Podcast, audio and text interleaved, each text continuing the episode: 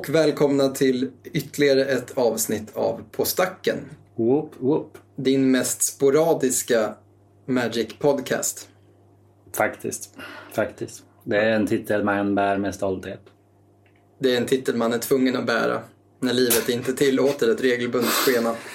Ja, så är det. Ja, nej men eh, det är kul att vara här. Eh, Vi eh, befinner oss just nu mitt i the shell shock av Lord of the Rings-releasen. Hela eh, modern och legacy magic har skakats om. Och det är väldigt spännande att se vad folk hittar på med allt det nya. Verkligen, verkligen. Och en riktig sån chock som vissa fruktade blev det kanske inte. Jag tänker att många jämförde det med Modern Horizons. Du också. Jag tycker ändå att det är jämförbart. Absolut.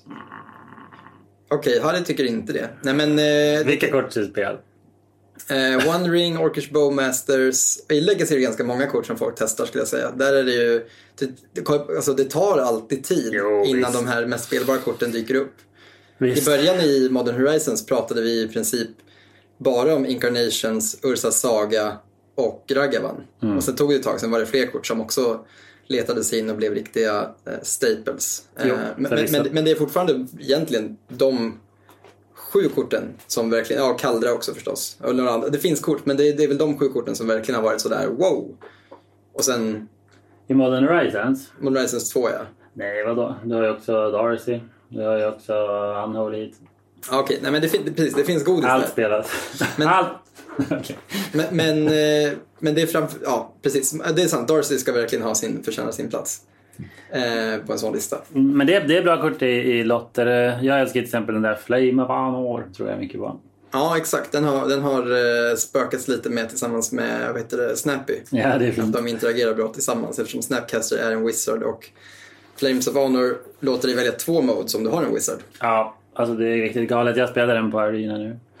I Historic. Ja, Och man kan ju testa den i Murfolk också. Jag såg att Magic Aids gjorde det. För det är mycket wizards där. ja. Nej, du men, splasha rött. jag, jag tror verkligen att det, vi, har inte, vi har bara sett början. Jag vet inte om du sett eh, att eh, det brewas med Fourth Eorlingas. Jo, Det nya det. Ja, just, Monarch-kortet. det. just det, den är från Commander Lotter. Mm. Ja, en röd-vit sorcery som eh, säger att om en gubbe du kontrollerar till att skada den här turen så får du eh, Monarch. Och eh, du gör också, den kostar rödvit X och du gör X 2 2 med haste. Ja, det är väldigt pushat alltså. Ja, så har du tillgång till lite mana så gör den massor. Har du tillgång till tre mana så kanske du bara snipar in en Monarch tidigt och kan leva på det. Så jag vet inte, det, det är spännande. Det finns många sådana där doldisar som jag tror folk inte riktigt har räknat med. Men sen finns det också de uppenbara powerhousen som är eh, Orkish Bowmasters och eh, eh, Ring. Mm. Den var nog dock inte uppenbar förutom EDH. The One Ring. Ja. Jag tror det beror på vem du frågade. Ja. Alltså det fanns ju folk, jag vet att Aspiring Spike var så här innan han sa The One Ring kommer vara bästa kortet i setet, jag kommer göra tio lekar som den funkar i så kommer ni få se. Och han är mitt uppe i det nu och håller på att släppa typ två, tre lekar om dagen och han bara testar den i alla shells i princip och så här, ja går den att spela i monosvart eh, Shieldred? Ja. Jajamän. Går den och sen bara, Ja. den är alltid bra också, alltså Ja. hittills. Coolt. Eh, coolaste skalet hittills är ett skal där man eh, både kan göra jättemycket mana med eh, eller coolaste sätt- det skalet jag har sett ska jag säga. Där du både kan göra jättemycket mana med de här eh, typ, eh, vad heter den? Everflowing Chalice och eh, vad heter den andra som gör för Cornucopia. Cornucopia, precis. Eh, så att du redan du använder, du använder liksom redan eh, equip, eller artifacts som kan tappa upp dem och lägger charge counters på dem. Och så kombinerar du det med One Ring som du också kan tappa upp och göra charge counters med. Så det, det blir ju en väldigt, eh, eller lägga till counters på. Så det, det blir ju en väldigt eh, nice synergi. Och du drar ifrån så fort som fan eh, med den. Mm, för det har så mycket mana också. Exakt. Dice Factory kallas det väl leken förut i alla fall. Ja, och den är fortfarande väldigt bra med, med Ursa Saga också. Eh, eftersom Ursa Saga hämtar eh, de här nycklarna. Eh, Surge nu, den här som lägger bara... Både Search Node och hämtar, vad heter den, Voltaic Key, den nya Voltaic Key som som också gör någonting unblockable. Mm, exakt.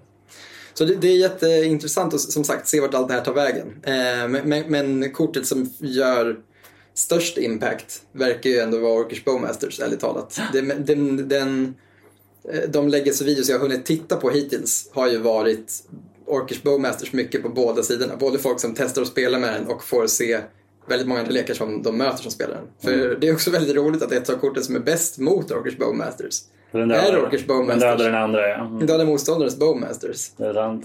Och i nästan alla skal där du spelar Bowmasters har du själv massa cantrips. Japp. För att det är mycket blåsvart än så länge som kör. Ja, verkligen. Nej, alltså det stämmer. Jag såg på Card Market, noterade nyss att den preordrade för typ 18-19 euro, vilket är mycket för ett rare. Ja visst, Och det är nu är den närmar sig 30. Så det, Ja, jag tror inte den kommer stanna där om det fortsätter. För nu har folk börjat se att oj, den här är ju bra i modden också. ja.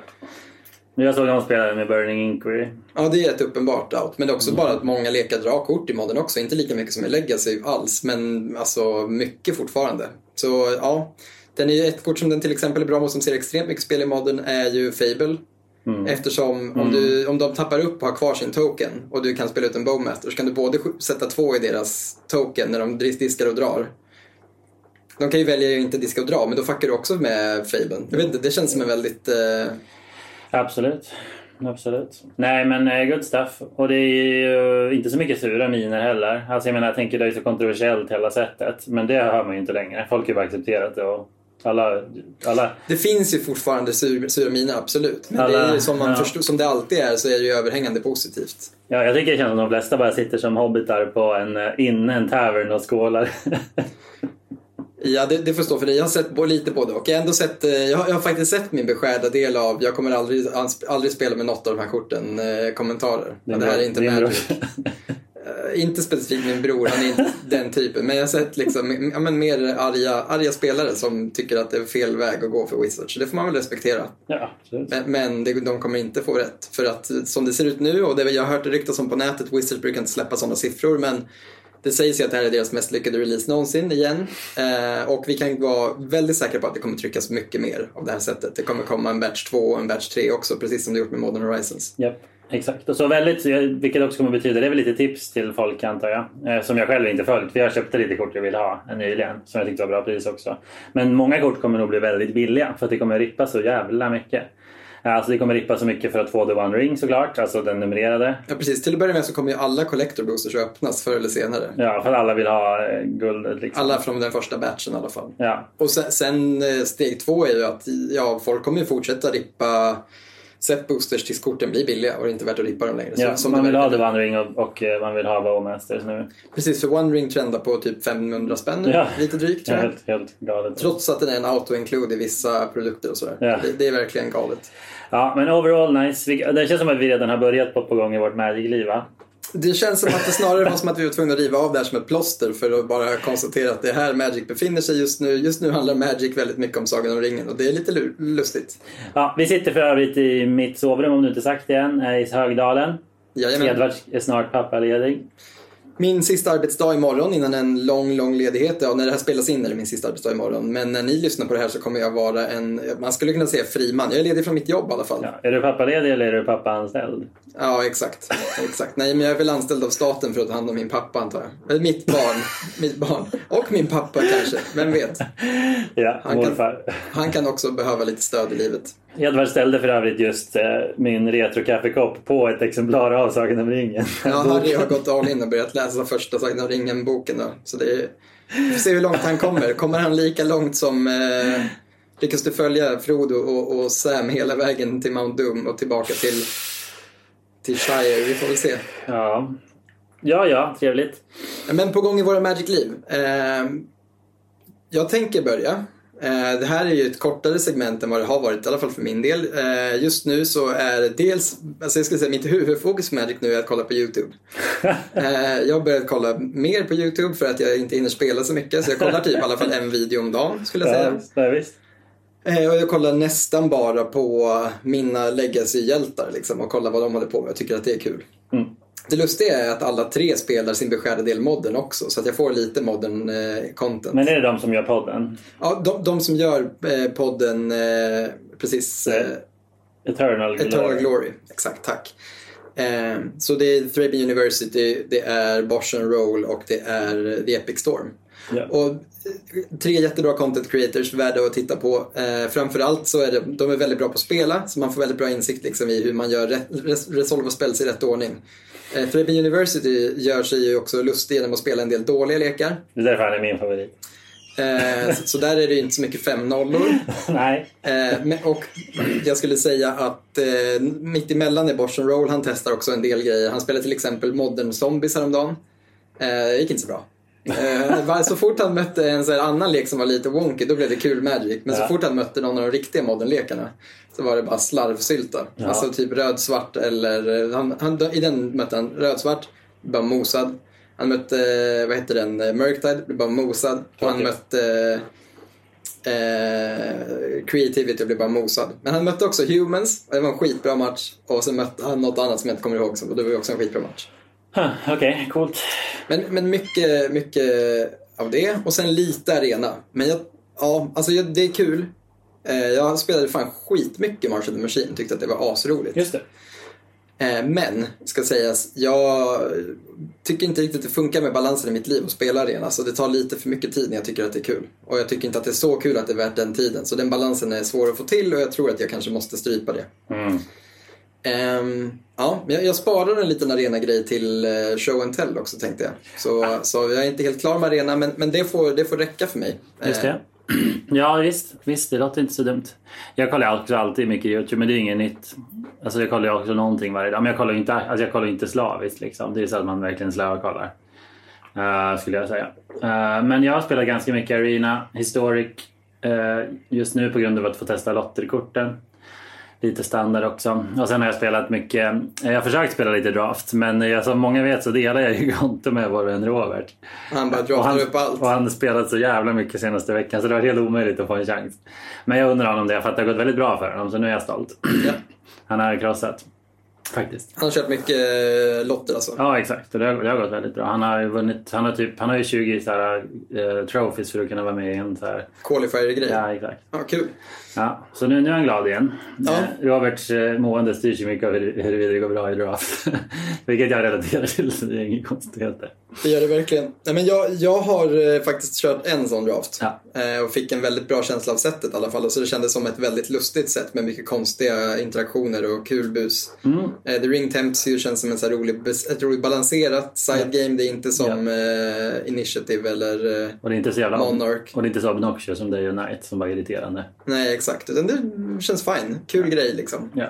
Eh, när man har gått hela vägen så börjar det bli väldigt starkt. Och det ska det ju vara. Alltså när du har tem- temptat fyra gånger så börjar motståndaren bli väldigt hotad. Visst, visst. Ja, men så här, jag har spelat som sagt historiskt och spelar också Ring Temptu grejer i blåröda Wizards. Väldigt bra lek liksom.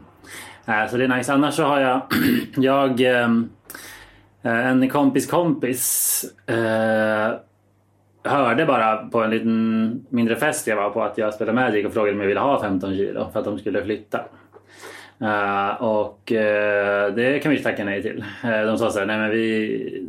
En kompis har gått igenom det här för många år sedan och tagit liksom hyreskortet men det finns säkert lite nice grejer.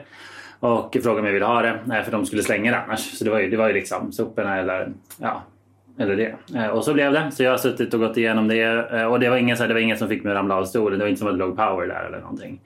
Det var inga kort som var absurt dyra, men många bäckars mål också. Det var mycket schyssta kort.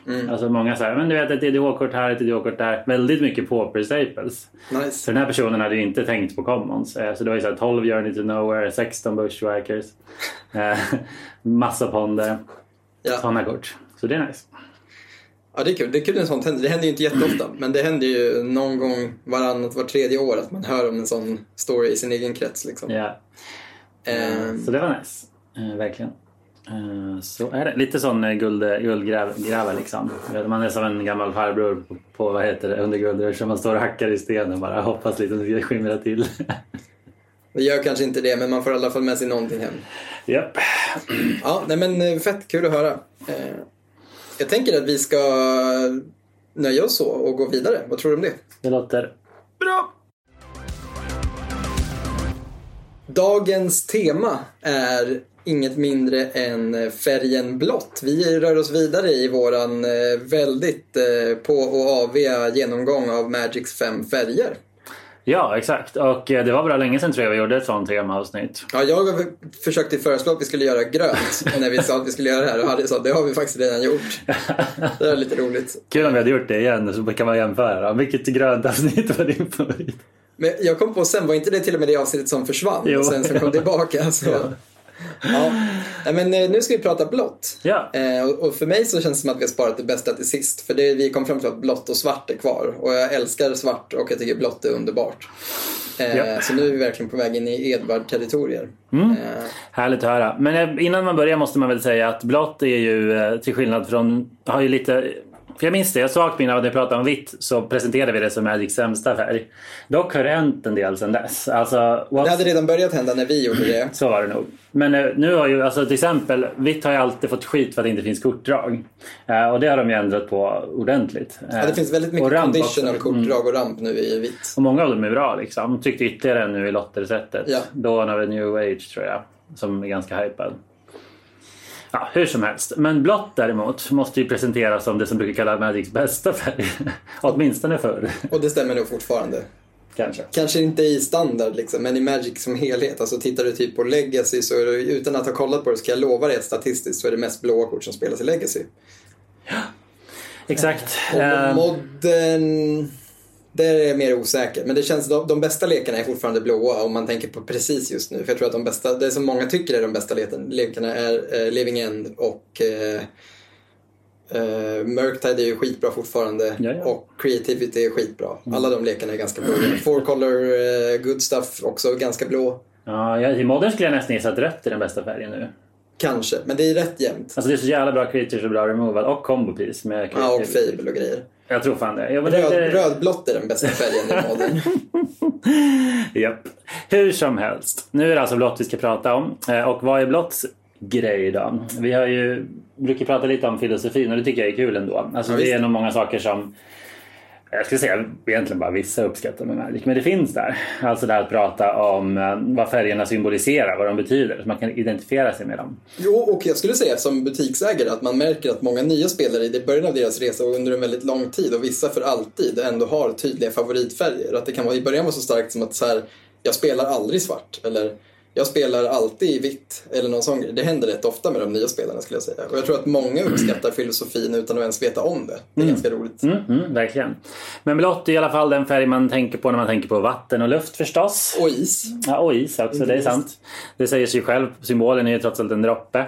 Men det är också den symbolen som håller på mycket med manipulation och sätta kontroll över saker, läsa folks tankar, eh, och manipulera tankarna liksom. Det är mycket vetenskap också. Eh, akademin liksom, alltså de håller på med sådana grejer. Eh, men mycket så manipulera, vara slug, vara smart, eh, komplexa grejer, eh, artefakter också av den samma anledning liksom. Mycket sådana saker. Så, så lite de grejerna är det man tänker på när man tänker på blått. Och jag var inne och läste lite hos Maru då, som är eh, Color Pie-experten då, utöver att vara game designer och mycket annat. Ja, ni är lead designer. Ja, exakt. Lead designer och Color Pie-expert och även då flavortext-skribent och dad joker. Hur som helst. Eh, han, säger- hans pitchar blått som att blått är färgen som alltid strävar efter perfektion. Dock inte bara för sin egen del som svart gör. Ibland också för andras skull. Eh, och eh, blått är, tror väldigt mycket på att alla personer föds lite så som ett tomt blad, tabula rasa. Eh, Alltså att alla har, alla har möjligheten att lyckas. Lite American dream faktiskt. Alltså, du vet, man, man, man, om man gör sitt bästa och eh, är slug och smart och tar chanserna och bidrar liksom, så, så kommer det bli bäst liksom, för alla. Så blått tror ganska mycket på ja, men folk då, eller andra, om man nu kan kalla alla Magics varelser för folk. Men du fattar. Eh, det är som så att Blått tror att livet handlar just mycket om att lista ut sin egen potential och vad man ska göra. Och det gör man gärna med utbildning och ansträngningar och pröva och testa, alltså en vetenskaplig metod. Liksom. Eh, och komma fram till vad som är bäst för, för oss, för dig själv och för andra också. Blått, blott är väldigt metodiskt, väldigt exakt. Blått är perfektionister. Blått är förmodligen också pedanter och liksom lite irriterande besserwissrar också ska väl sägas. Eller hur? Ja, visst. De är mest intresserade i teknologi och eh, vetenskap och eh, kunskap, precis som jag nämnt. Eh, Och är alltid intresserade av det senaste nytt. Då är rak motsats till exempel grönt då, som är mer traditionalister och konservativa. Som tror att saker var bäst i början. Eh, Så det är verkligen en motsats där. Eh, Kunskap är verkligen nyckelordet, det ultimata verktyget och det bästa. Eh, Och den bästa personen bör ha också tillgång till det. För blått är ju inte då, har ju inga onda uppsåt i sig. Däremot kan de ju vara väldigt kalla. Liksom. Alltså, de är lite ointresserade av känslor så som rött då i motsats till rött. Liksom. Ja men mycket typ ends to a means eller vad fan det heter. Mean, ja, något sånt. means to an end. Memes to an end. Exakt. Nej men att så här, ja, mål, målen helgar medlen som Ja. det heter på svenska. Exakt. Att eh, ja, du, ibland så blir det, det blir, kan bli lite fult men resultatet är det som räknas. Det delar de nog lite med vitt nu när du säger det. Vilket Ja, också med är, svart. Vitt och svart är ju deras kompisfärger och det är nog Det märks. bland annat där det kommer fram. Ja, visst är det så. Men ja, lite så. Eh, Blå älskar liksom eh, allt det där och därför så ser vi ju också, som jag sa, vi ser artefakter, vi ser också mycket instant och sorceries. Alltså, det är inte så mycket starka gubbar eh, och så. så som, Det är inte deras bas. nej, exakt. De, eh, precis, utan det är kunskap hellre än muskler. Liksom. Brains before brawns. Och så vidare. Eh, yes, och som jag redan varit lite inne på kan vi prata lite om Blotts eh, vänner och fiender. Eller hade du något att tillägga för övrigt på den lilla genomgången? Nej men det var en bra, bra genomgång. Ja, jag missar säkert någonting. Men, men igen, alltså det, det är ganska tydlig liksom, genomgående grej. Då. Eh, det är nördarna helt enkelt, blott. Eller vad ska man säga? Eh, det, det, typ. Ja, det är en bra sammanfattning skulle jag säga. Ja, mycket, mycket nördar eh, men också såklart samhällsförbättrare eller så här vetenskapspositiva så här, teknikoptimister. Man ska jämföra med personer som finns på riktigt. Liksom. Men jag tänker så här, om, om du tänker hur de olika färgerna löser ett problem Ja. så är ju om en typ en någon som är röd kanske du, kastar sig på det med en stor yxa. Eller skärmar sig fram. Eller skärmar sig fram. Och någon som, är, någon som är grön kanske också försöker kasta sig på det med en stor yxa. Exakt. Eh, men, men, men ja, skitsamma, jag behöver inte gå igenom alla. Men grön, eller blåtts grej är kanske att låsa in sig i biblioteket högst upp i sitt torn eller längst ner i sin underjordiska grotta och läsa sina stora böcker tills man hittar en lösning och sen kalkylera fram det. Liksom. Och det känns som att ja, det också reflekterar lite i hur blått ofta ser spel. Att man gör saker efter att motståndaren har gjort det. Man försöker Ja. liksom pussla ihop lösningar snarare än att man alltid är den proaktiva. Visst, visst. Eh, verkligen. Sen behöver ju lösningen inte alltid vara trevlig. Alltså den, då jag tänker då att det är inte som att rött och grönt är de elaka som använder våld. Utan blått kan ju istället är helt okej med att eh, mindfucka någon totalt. Liksom för, alltså så här, kasta en spel som gör att de glömmer bort vem de är och att de liksom eller låser fast dem for life i, någon, i några liksom magiska I en trådar. månad till exempel. Ja, i en månad. Varför inte? Så, det, är- så är det ju. Eh, Men exakt, bra, bra tillägg. Men igen, blott nördar, akademiker, liksom vetenskapsmän. Det är väl det typ. Om man tänker då. Så, och politiskt är de ju som du sa att de är mycket så här att de, resultatet är det viktiga någonstans. De är inte så intresserade av liksom Hur många som dör eller inte dör på grund av det är inte det som kanske kommer först. Det är inte det Eller, enda viktiga i alla fall. eller vad det kostar eller så. Utan att det här är den bästa lösningen. Ja, Okej, men det bästa utifrån vad? exakt. Kan- Så det är mycket, mycket långsiktigt tänk. De tror ju på den här liksom eh, den superoptimistiska tekniska framtiden när vi kan liksom maskinerna löser alla våra problem och sådär. Ja, precis. En, en eh, verklig person som antagligen är väldigt blå, uppfattas som väldigt blå eller beskrivs som väldigt blå. Det är väl typ Elon Musk. ja men förmodligen. Väldigt blå, väldigt så teknikoptimistisk och Exakt. Och påstår sig göra det bästa för samhället. Och sen kan ju någon annan säkert. Ja absolut. Sen Utifrån kan ju... sina ramar, liksom. Precis. Sen kan ju någon komma in och säga det där är ju inte kanske det bästa för alla. Och då vet jag, håll käften och uppfinner något nytt. Eller, Ja. eller snarare kanske investerar i något nytt. Nej men eh, precis, eller typ eh, Ja, nej, men exakt. Vetenskapspersoner helt enkelt. Ja, visst, visst. Och, och, verkligen. Verkligen. Eh, Blotts vänner började du prata om. Ja. Yes, exakt. Blått ser på vitt och ser en färg som också förstår behovet av att planera och titta framåt och liksom eh, ja, men sikta mot någonting stort och viktigt. Och blått ser väldigt mycket upp till vitts eh, struktur. De är lite autistiska båda två på så sätt. Liksom. Det, ska vara, det ska vara ordning och reda.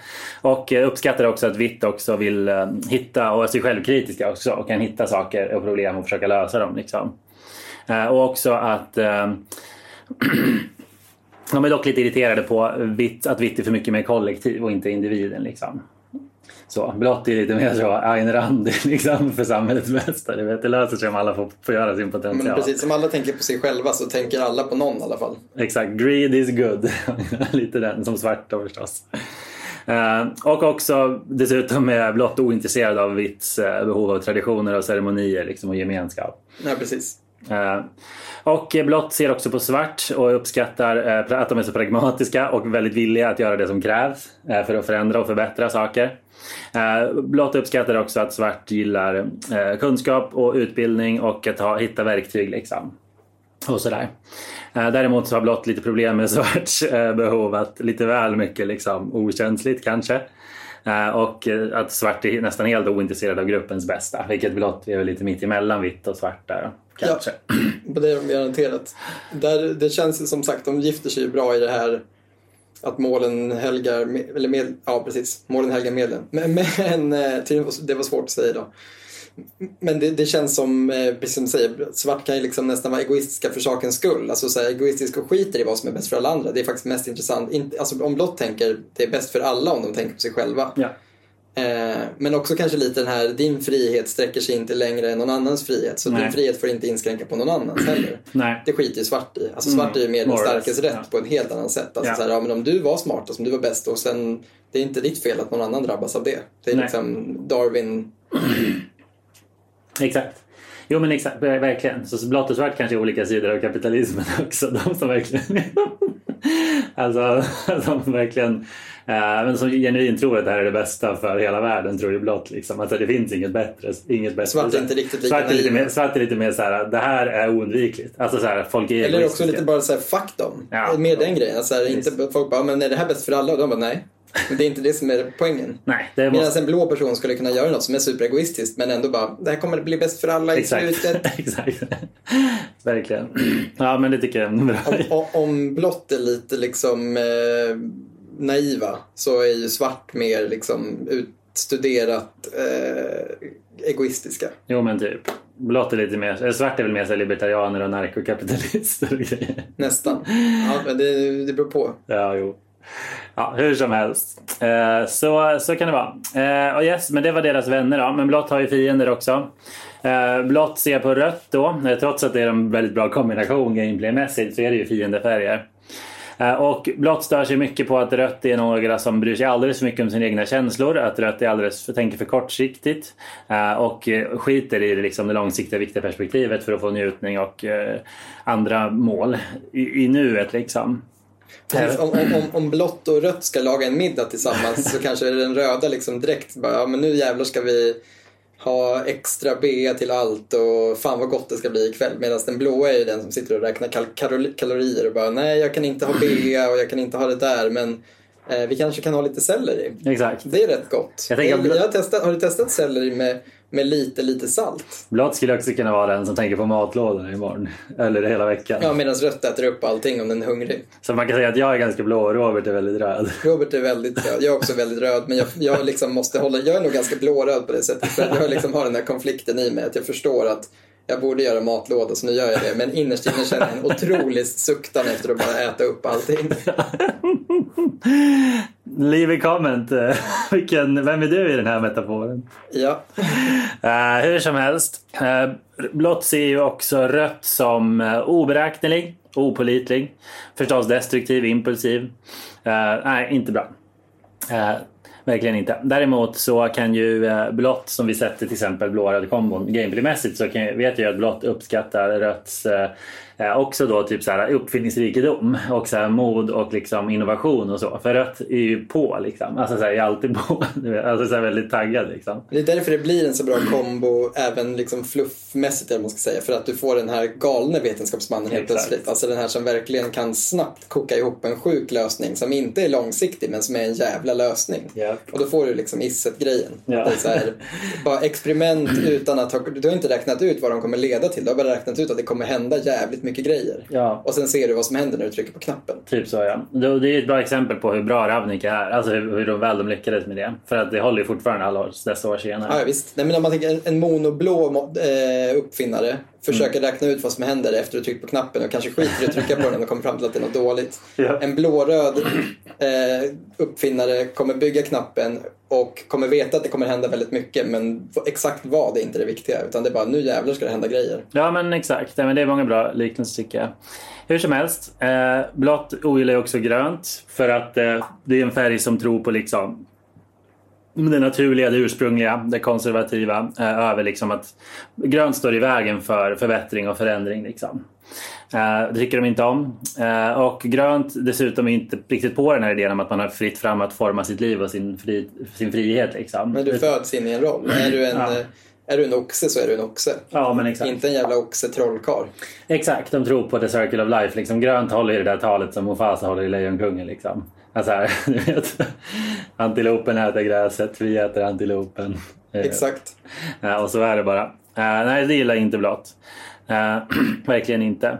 Eh, utan blått tror ju då, uh, grönt tror ju liksom på, på sådana saker som liksom, ja, men att alla har ett öde, all, allting är förutbestämt i någon mån. Eh, så nej, det går ju inte hem. Däremot eh, ser vi ju att blått och grönt också, när de kombineras så är ju blått väldigt nyfiken på att experimentera på naturen och typ göra naturen bättre. Eh, liksom. För det finns ju otroligt mycket kraft där förstås.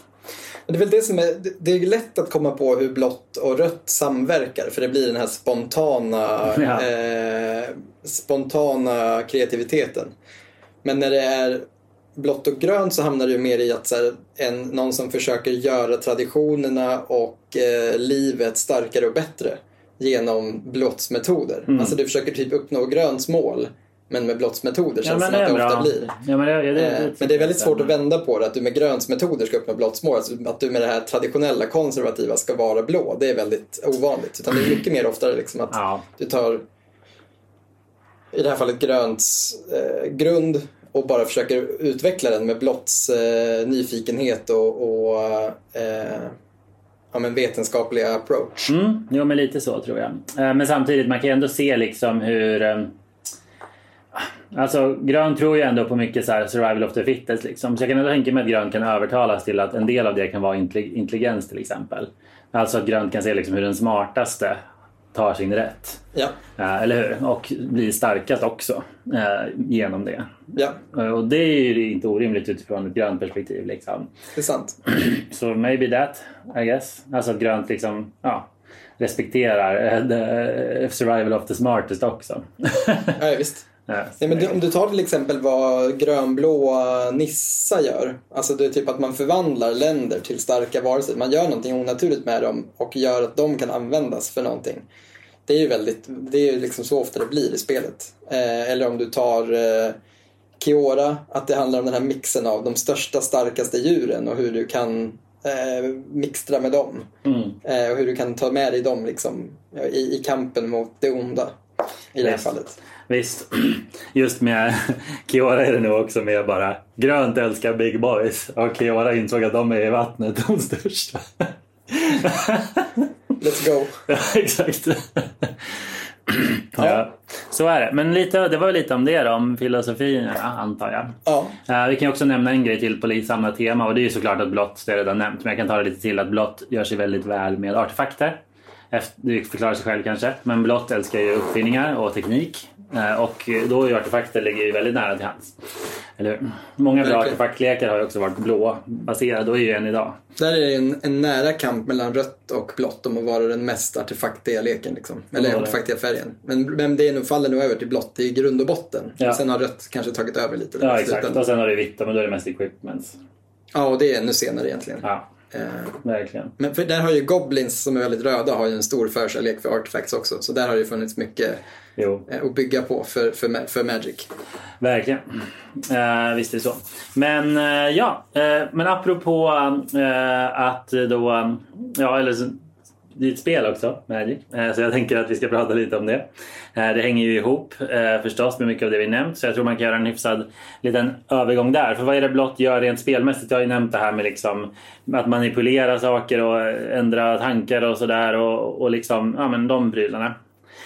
Så jag tänker att vi kan helt enkelt gå igenom de grejer som Blått håller på med i spelet då, och se vad vi kommer att tänka på. Låter det okej eller? Absolut. Nice. Eh, Och det mest första är ju förstås kortdrag. Ja, men det är deras... Alla har sätt att dra kort. Framförallt nu för tiden. Men, men blått gör det mest cleant. Alltså till exempel cantrips som är en stor del av spelet i den liksom mest slipade formen av spelet är ju Det är blotts grej. Alltså cantrippa. Det finns andra som får göra det ibland. Men, men blott gör det för oftast för en mana och de gör det väldigt bra. Verkligen. De gör det ofta som en liten cherry on top på många bra grejer. Eh, och blott kan liksom lite, på, ofta på bra blå kort så kan det helt plötsligt bara vara, förutom att den är bra så drar den också kort. Sen har ju blått också den enda färgen eh, som kan göra bara så här dra jättemycket kort.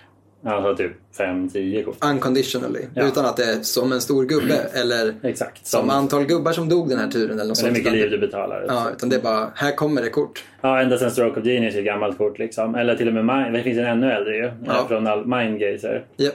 Ja, till och med Alpha. Ja, den är väldigt kul. Ja, du ser. Så det säger mycket. Det är typ väldigt, väldigt typiskt blått kort. Det finns ingen annan färg som kan göra det. Alltså du betalar X och drar så många liksom. Och det kommer vi komma in på fler gånger under den här, det här snacket. En annan grej som vi kommer komma in på fler gånger är ju kontringar. Alltså det är ju verkligen något som händer när du spelar Magic och motståndaren visar blå mana eller bara visar någonting som antyder att det spelas blått i den leken. Så, Ja. en, så byter ju en switch i huvudet. Då Ja. måste du helt plötsligt börja ta hänsyn till, kommer det jag försöker göra hända? Och vad vill jag helst att de kontrar? Och sådana där tankar som händer. Och det är för att blått har de starkaste kontringarna. Nästan alla kontringar. Ja, exakt. Blått är väldigt ensam om det. Och det kan man också säga att det är en förklaring till varför det ofta kallas den bästa färgen. Ja, Eh. Eftersom att kontringen är så fruktansvärt bra bara. Alltså, det finns ju många dåliga kontringar, speciellt i perioder. Men som koncept, som spelmekanik är det ju det enda sättet ofta eh, att stoppa dig från att dö. Alltså på ett sätt som inget annat. Alltså. En, en fog kan ju vara alldeles perfekt ibland, men det är ju för, det är för nischat liksom. Ja, du överlever en combat. Men blått kan ju stoppa en combo, kan stoppa liksom en bomb creature för gott liksom. Nej, stoppar ju vad som helst. Men jag tänker också, det här är ju vad de ofta gör istället för att ha bra removal spells. Istället så har ju blått också spelets sämsta removal spells. Alltså de har undantag, det finns sätt för blått att hantera saker men det de generellt sett är, det, det du offrar ofta genom att vara monoblå är ju tillgången till riktiga removal spells. Det du kan göra istället är att du kan lägga undan saker på olika sätt eller tappa dem eller Ja. skicka dem tillbaka till motståndarens hand. Men, men du får väldigt sällan bara döda eller exila. Det är ju verkligen undantagsfall. Ja, så är. Så är det verkligen. Eh, definitivt. Men kontringar, vi pratar mer om det, men det är ju det, är ju det mest, förmodligen det mest klassiska av allt. Liksom. Också, och något som formar hela spelet, hur det funkar. Alltså Ja. stacken, alltså, om det inte för kontringar så skulle de kanske inte ens hela konceptet med alltså en stack finnas. Liksom. An, an, andra. Eh, effekter som är väldigt blåa är ju eh, att byta ägandeskap på saker. Ja. Eh, alltså Så från allra första början mind control och sen en tusentals effekter. Eh, inte tusen, men alltså oräkneliga effekter som gör samma sak. Ja. Du tar helt enkelt över eller byter eh, med någon eh, olika kort och det är väl, väldigt, väldigt blått. Och ofta väldigt bra. Eh, speciellt i vissa i typ limited och så. Ja. Och i perioder har det funnits kort som verkligen tagits in i constructed som snor saker. De som kommer, man kommer att tänka på är väl treachery. Eh, är ju fruktansvärt stark. Ja, men mind control är den mest eh, liksom, grundläggande Control magic. Ja, kon- nej, jag tänkte faktiskt på mind control. Liksom. Ja. Den, under vår era har ju den varit liksom den som har Det är ersatt. klassikern. Ja. Ja, control magic fast för en mer. Liksom. ja, precis. Så de insåg hur bra det var. Eh, Eh, också väl Dark and Shackles eh, och eh, Sour of Temptation är kubklassiker liksom. Ja, visst. visst. Eh, så det är ju nice det. Eller varför inte Old Man of the Sea om man går Ja, en riktig långt. klassiker. Han var med i Kub väldigt länge faktiskt. Han är fortfarande rätt bra för sin tid. Ja, det måste man ändå erkänna. Väldigt bra för sin tid, men inte så bra längre. Problemet med för sin tid var ju att det inte fanns bra gubbar att ta. Så han kan ändå inte ha varit så bra, vad vet jag. Eh, Nu, nu kanske, tänk oss nog typ Folks Death Rights och eh, SP Sentinel till Commander. Jo, visst, visst. alltså det kanske, han kanske har en för plats fortfarande. Sen ska man pynta upp en, jag vet inte hur mycket han kostar nu. Men om ni inte känner till det kortet så googla på Old Man of the Sea. Han är väldigt fin. Blått är också mest kända för, för, även om de delar den platsen, de delar flera platser med andra, andra färger. Men Och så är det alltid ska Ja. ju sägas. Alla, ingen färg är helt ensam om någonting. Nej. Men de är ju klart mest kända för mill. Mm. Utan tvivel. Alltså att ge sig på motståndarens lek som ett sätt att vinna spelet. Eller sin egen lek för att vinna spelet. Det är verkligen blåtts grej att, att tampera med lekarna på det sättet. Ja, exakt. Det är också något som brukar fascinera många nybörjare, alltså när man lär sig det. Du vet. Alltså när man säger det till nybörjare så här att när du drar ditt sista kort så förlorar du. Folk bara What? Ja, ja, visst. Jag hade en gammal kompis i grundskolan, Benet, som också älskade monogrönt. Det var han mycket känd för. Äh, Men han har också tyckt att kortdrag var dåligt för att det ökar risken att man drar slut. Han var väldigt långsiktig i sin oro. Men, men det är ändå roligt för att det finns ju någonting väldigt speciellt med att se dina kort försvinna på det sättet. Det gör ont i början. Alltså, det gör ont nu också tycker jag när man möter en millek, när man ser vad som millas. Ja. Och man bara, Ja, yes, du tog inte mitt wincon. I vissa lekar kanske du bara har ett eller två wincons. Typ Ja. om du spelar storm eller något sånt. Ja, det, det, min måste vara bra mot storm faktiskt. Kan vara bra mot storm. Om inte stormen är väldigt graveyard-baserad. Då kan det också vara en riktig sån... Eh, ja, så du bara matar in i kombot. Så det finns verkligen både och. Ja. Visst, någonting man inte fattade som en liten parvel var ju att vissa lekar vill ha kort i graven. Det hade man ju svårt att förstå. Nej, precis. Men så är det ju verkligen nu för tiden. Jobbigt att spela mill mot dredge liksom. Blott är i princip de enda som håller på med att kopiera saker. Ja, kloner. Mm. Ja. Kloneffekter tror jag inte andra färger riktigt gör på egen hand. Det är typ att rött kan göra kopior också ibland på ja. olika sätt. Men då är det ofta tillfälliga, det är typ att de dör i slutet. Ja, alltså som exakt. Kikijiki. Exakt. Så, så, men blått får hålla på med det på ett mer, mycket mer unconditional sätt. Fan vad många grejer blått har som är bara Ja, blått. varför tror du att den är bäst? eh, Clone, även här var ju redan i alfa. Clone Mm. tror jag kom i alfa. Det gjorde den. Eller? Och sen hade du ju... Jo. Man slås på fingrarna som vanligt ni som lyssnar. Ja. Men, men, men absolut, de är, den är gammal. Eh, de har ett av deras usla sätt att döda saker på också. Eh, bounce, tänker du? Morfa. Eh, vadå? Alltså att... Alltså att du gör om någon, polymorfa. Jag tänkte typ morf, jag bara, nej det finns i alla färger. Ja, ja, polymorf, precis. Att du förvandlar kort till något annat. Typ. Ja, du tar bort ett kort och så flippar du från toppen Ja. tills du hittar en likadan. Och det var ju ett sätt att hantera kanske framförallt saker på motståndet tror jag när man kom på det. Men det det har blivit är ju något att du, det är verkligen ett, ett Kombo. urfusk. Ja. Eh, och rött har också slagits in i den här eh, grejen och det är väl mest kända genom Indomitable Creativity just nu. De, det är typ en av många saker. Det här är faktiskt en rolig grej. Vi kommer att se om vi nämner det något mer. Men någonting som är kul är ju att Wizards har ju in, insett med åren att blått har för mycket. Så de har behövt dela med sig lite till andra färger. Ja, Eh, Det bästa exemplen är nog det som du sa nu är ett bra exempel. Alltså, Det är verkligen polymorph en röd ability. Nu är det bara en röd ability. Alltså bara. Jag kan inte komma på sist de gjorde en blå sån, förutom polymorph själv. Nej, jag vet inte. det finns någon och jag vet att det finns någon från de senaste åren faktiskt. Möjligt. Men, eh, men det är säkert blå. Oh, whatever. Nej, den är monoblå. Jag vet bara inte vad den heter. Jag kan, vi kan kolla upp den. kanske. Det var också länge sedan nu. Ja, men det finns en. Ja, whatever, du fattar vad jag menar. Det har blivit Ja, rött. det är verkligen en röd grej. Eh, Och på samma sätt så hade ju blått till och med tillgång till burn ett tag. eh, back in the day. Alltså Prodigial Sorcerer som pingar. Och sen Psionic Blast. De hade lite conditional burn spell. Ja, de gjorde alltid, ofta skada på en själv. Men ändå. Alltså det var ju bara Det gjorde ofta de röda också ärligt talat. Så det var inte, det var inte bara, det fanns många röda spel som gjorde skada på dig själv också. Så I ja guess, visst, guess. det var lite fult. Mm. Lite color shift där. Så det har de ju också verkligen ändrat. De bara nej, nej, nej, nej, nej. Det ska blått inte på. Eh, Så det är lite roligt ändå. Blått har behövt begränsas och dela med sig. Blått har ju också dessutom take extra turns, vilket också är en väldigt sjuk mekanik. Och extremt blå. Ja. Och det är den fortfarande. Det är- Det är nästan ingen annan, ingen annan som kan göra det knappt. Rött får göra det med vidriga conditions. Det är ofta sådär, du om du gör det här så kan du inte göra något på den turen eller så förlorar du. Oftast förlorar jag. Då får rött hålla på med det. Ja. Det är en av mina favoriter. Mini, Svart kan ta en extra tur på något sätt också, men då förlorar de halva livet. Något sånt, ja. Nej, det är också typ så att motståndaren kan välja om du får en extra tur. Ja, det är ett specifikt kort som gör Jag det. tror det, kanske. Ja. ja. Jo, men det stämmer. Det är nog gammal Planar Chaos tror jag. För det var lite color pie breaks. Hur som helst. Blått har ju också det här med att de kan tappa saker. Alltså så här, nu heter det stun counters också ju. Ja, Blått kan ju också liksom eh, lägga minus i power ofta. ja. Eh, typ target critical minus 3, minus 0. Det är alltid draft chef, de korten. De är alltid, aldrig bra. Alltså. De är, ibland är de okej i limited menar och de är ja. alltid ospelbara på alla andra ställen. Nämn ett sånt kort som sett spel som gör att target critical minus i power. Om det, gör, om det ser spel så är det ju bara för en annan del av det kortet. Ja. Planeswalkers som har det som Ja. en av sina plus-abilities. Ja. Så det är verkligen blotts uh, shit-mekanik som de alltid Men jag får. säger det, de är dåliga på removals. För Ja, även de här stun-grejerna ser sällan spel i, utanför Nej, nej, limited. Nej, Sleep kommer jag ihåg, den var rätt powerful. Den har varit bra. Den har varit som så här en finisher i blåa agrolekar. Ja men typ. Många gånger. Sleep säger att du tappar hela motståndarens lag och de tappar inte upp på nästa tur. Den, Ja. den, den har varit riktigt hård i vissa limited-format framförallt. Ja, så var den nästan. Ja, men exakt, sen har ju blå bounce då. Och bounce kan ju vara väldigt bra för att de är ofta så aggressivt kostade, alltså bara en mana liksom. Ja, och det är ofta bättre. Alltså i Commander är det ju ännu bättre för att där kan du ändå inte riktigt döda motståndarens Commander. Så då kan det ofta vara billigare att bouncea. Så där finns det ju flera bounce spells och liknande grejer som har, har varit med och lekt. Jo, visst. Chain of Vapor spelas mycket i Legacy för att den Ja. är så effektiv. Och saker som bouncear allt har ju sett mycket spel. Det har ju verkligen varit en grej som har fått se. Om inte Cyclonic Rift är väl den liksom vidrigaste som har tryckts. Men det finns ju många som bara bouncear av jättemycket. Och Upheaval är bannad i, I det ja. i Commander. Japp, blått kan också, vi fortsätter lite kort till bara. Vi kan, blått kan också tappa och tappa upp saker. Alltså tappa motståndarnas gubbar, tappa upp sina egna gubbar. Twiddle, Storm i en lek. Det är det definitivt. Och det här har varit, eh, det, här, det finns ju saker som har väldigt bra tappabilities. Så det här har ju verkligen gjort, gjort eh, kaos. Verkligen. De är Eh, väldigt bra på evasion. Alltså de är bäst på att inte bli blockade, Ja. eh, utan tvivel.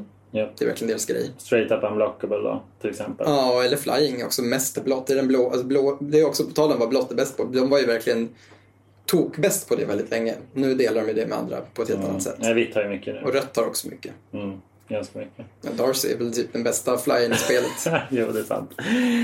Jo, är, absolut. Eh, så är det. Eh, och annars håller de ju på en sak som blått gör men som är riktigt shit också är att de ibland har gubbar som typ dör när de blir targeted, alltså illusions. Ja, Illusions ja. Ja, det finns ju en väldigt bra såklart, alltså eh, Phantasmal Image. Men annars är det ju inget som har sett spel. Inget som har varit jättebra nu. Nej. Eh, annars är det ju igen artefakt. Tjosan. Ja. Artifices. Artifices. Men kort som interagerar väldigt bra med artifacts. Kanske att det mest kända är Tinker. Alltså det brutnaste genom tiderna kanske. Av de korten som gör saker med artifacts. Den eller Goblin Welder är väl de bästa liksom artefakt Säkert. kompisarna som inte är artefakter själva. Förmodligen ja. Tinker är en sorcery för blå 2 som säger att du ska offra en artefakt och då får du lite grann en lek efter en artefakt och lägga in den i spel. Så tillsammans med billiga manastenar har ju det här varit brutet ända sedan Tinker kom Ja, i, i Ursa någon gång. ja exakt. Så du hämtar mest famously kanske en, eh, vad heter det, Blightsteel. Blightsteel Colossus och bara mosar men det finns mycket hemska saker du kan hämta. Alltså, resolvar en sån så brukar matchen vara slut. Liksom. Ja men faktiskt. Mest händer i, i kub då. Nästan bara. Ja, för den är bannad i, i Legacy förstås. Och i då. Ja, Ja. reasonably. I EDH hade det varit fruktansvärt. Du bara hämtar en Sundering Titan, gör slarvsylt av nästan alla länder. Är den legal i Bremoden? Mm, vet inte. Jag tror inte det finns något jättebra att hämta. Så kan kanske det. legal. Jag, jag tror det. Hämta. Colossus. Man bara, Ja men "Åh, exakt, det finns liksom inget som sticker ut så. Eh, jag, har för mig att den är det, men jag är inte säker. Det lå- låter rimligt att den är bannad för att man inte har sett den. Ja. Den borde se mer spel då. Ja. Även där. Ja, fast det inte finns något bra att hämta. Ja, ja. Något bra finns det. Jo, säkert. Hur som helst. Det är Blotts grej i spelet. Ja. ja, precis. En sak vi måste prata om är ju eh, Blotts creatures. Vi har pratat mycket om andra saker nu. Men, men eh, vad vore Blott utan sin eh, fauna kan man säga. Så vad, vad kan du förvänta dig att hitta? Det är väl mycket saker som simmar, tänker jag. Man börjar med det som simmar. Ja. Då har du liksom fiskarna, du har fiskmänniskorna, alltså cefalider, merfolks. Ja. Du har eh, ja, sjöodjuren, eh, de är typ som går in i fiskarna. Eh, och sen lite mindre uppenbart så har du inte kanske så mycket just drakar, för de sticker mer som röda, men du har så kallade drakes, alltså de här dumma drakarna. de är lite lustigt nog ofta blåa. Smådrakar liksom. Och eh, spöken är superblåa. Spirits, ja. Eh, men sen har du lite andra sådana shapeshifters, Mm. grund och botten blåa. Ja, och illusions. Och illusioner, precis. Eh, och vad jobbar de med? För creature types är lite uppdelat i liksom vad du är och vad du gör. Men mest wizards, tänker jag. Mycket wizards, ninjor Ja, väldigt blått. Eh, rogues är lite blått. Det är sant. Pirater, väldigt blåa. Ja, det var ju kul för det, det, pirater tog ju ett tag innan de dök upp eh, i Magic liksom. Ja. Men eh, gjutet förstås. Artificers får vi inte glömma. Artificers, ja verkligen. Och så Sen får hittar vi lite varelser i luften också. Ja. För så har vi fåglar, vet inte. Ja, kanske. Ja, men fåglar absolut. Visst. Och ofta liksom... Jag tänker, de har ju både, precis som vissa andra creature types som är lite weird, med både så här katter och elefanter så finns det ju både humanoida varianter, alltså som, som går på bakbenen och ser ut att bete sig som människor liksom. Avens. Ja, exakt. Eller och sen finns det ju bara, cefalider eller så. sen finns det ju bara faktiska fåglar, typ Thieving Magpie som bara är en skata. Det har orimligt mycket toughness. Just det. krävs en elefant för att slå ihjäl den. Det är i och för sig är inte lätt att få tag på den. Jag tänker att den dodgar de två första. Exakt. Och pingar ihjäl den tredje. ja. Och sen dör den. Sen får man inte glömma eh, eh, svingsar också. Det är ju deras iconic som det kallas ibland. Ja. Eh, ja, förut var det gins vill jag minnas. Typ. De är väldigt blåa. Ja. Det är väldigt sant. De Men dyker också upp lite då och då. ja, men det finns ju. Det har de slutat med mycket. Ja, det är typ Haughty Gin, den senaste. Ja, just det. Den som är plus som incense Den är det. Mm. Men annars ja, svingsar mycket det. Eh, Och det maker ju sens. De ställer gåtor och flyger. Ja, men annars är det mycket trollkarlar får man Ja. väl ändå säga. Det, det, det är de som sticker ut som den blåa klassen. Japp, visst är det så. Men Sen ja, eftersom det är ett spel som heter Magic så har ju alla färger har ju mycket wizards. Just. i någon mån, ja, verkligen. Då så. Ska vi säga att det kanske var det eh, om, om blått? För att eh, jag tror vi ska dundra in i en, eh, ett återkommande segment. Vi, det ska vi. Vi kommer återkomma lite kort till blått innan vi är klara med det här avsnittet. Men vi tar eh, en omväg genom topp 10 då. Yes! Ja, så vi ska såklart ha en eh, topp 10 som det sig bör och den här gången är den till och med i ordning. Vilket, Och det är tio stycken. eh, är det, Jag, jag, jag har bara haft med tio. det går nog kanske rimma något mera. Harry är helt omöjligt. Men, men ja, Ja, Vi- nej men så är det. Eh, vi, vi försöker. vi har några honorable mentions så det blir aldrig tio. Harry har, har liksom den här och den här och den här då. Så några kontringar som inte kommer på listan men som lika gärna hade kunnat varit på den, tänker jag. Exakt, och där sa Edvard också vad listan handlar om. Och det är alltså kontringar, alltså counterspells. Spel som kontrar, instant som kontrar andra spells. Eh, exakt, så en honorable mention kan ju vara att nämna creature som gör det. För vi har inte med sådana på topp 10-listan. Vi drog en liten gräns där. Det finns ju creature som kontrar. Ja men precis, den första var Mystic Snake, tror jag. Ja, säkert. Eh, En grönblå eh, creature som kontrar, en fyra mana gubbe som kan kontra. Originalvänster också. Han kontrar, Ish. eh, studsar upp på handen. Eh, men ett nytt kort i den här femkortscykeln som vi redan hunnit nämna en gång i den här podden och säkert de senaste tio poddarna. Är ju en av de här fem incarnationsen. Ja. Subtlety. För- Som inte heller riktigt kontrar. Nej. Men som säger lägg den på toppen eller botten vilket är typ lika bra. Ja, exakt. Eh, så, så de har den kan med. bara ta gubbar och Ja, och Planeswalkers. planeswalkers. Men den kan inte ta, ta instant sorceries. Så. Så de får inte vara med då. Alltså gubbar som kontrar. Eh, och eh, så. Någon annan som, ett kort som precis inte hann med på listan var ju Manalik. Eh, skulle jag säga. Ja precis, och den för mig, jag tvingade bort den för att jag kanske tyckte att den ser för lite spel idag i Constructed. Men den är ju verkligen en, en kontringsstaple. Verkligen. Eh, ja, säg att motståndaren måste betala tre om de vill att spelen ska resolva. Exakt. Och en annan som väldigt motvilligt missade topp 10 eh, är ju eh, Cryptic Command. Och den, var- den sved ändå tyckte jag. Den faller lite också av för att den har fallit av folks listor skulle jag säga. Ja. Så Cryptic Command är fortfarande ett jävla hus, ett skitfet spel, den är, gör alltid mycket grejer. Men de där fyra manorna har blivit juicy. Oftast så vill du hellre spela typ en okontringsbar Wrath of God. Eller något sånt den rundan för att lösa problem. Och Cryptic orkar liksom inte in på listan. Modden Nej. är så jävla snabbt format just nu och det är väl där den skulle se spel i så fall.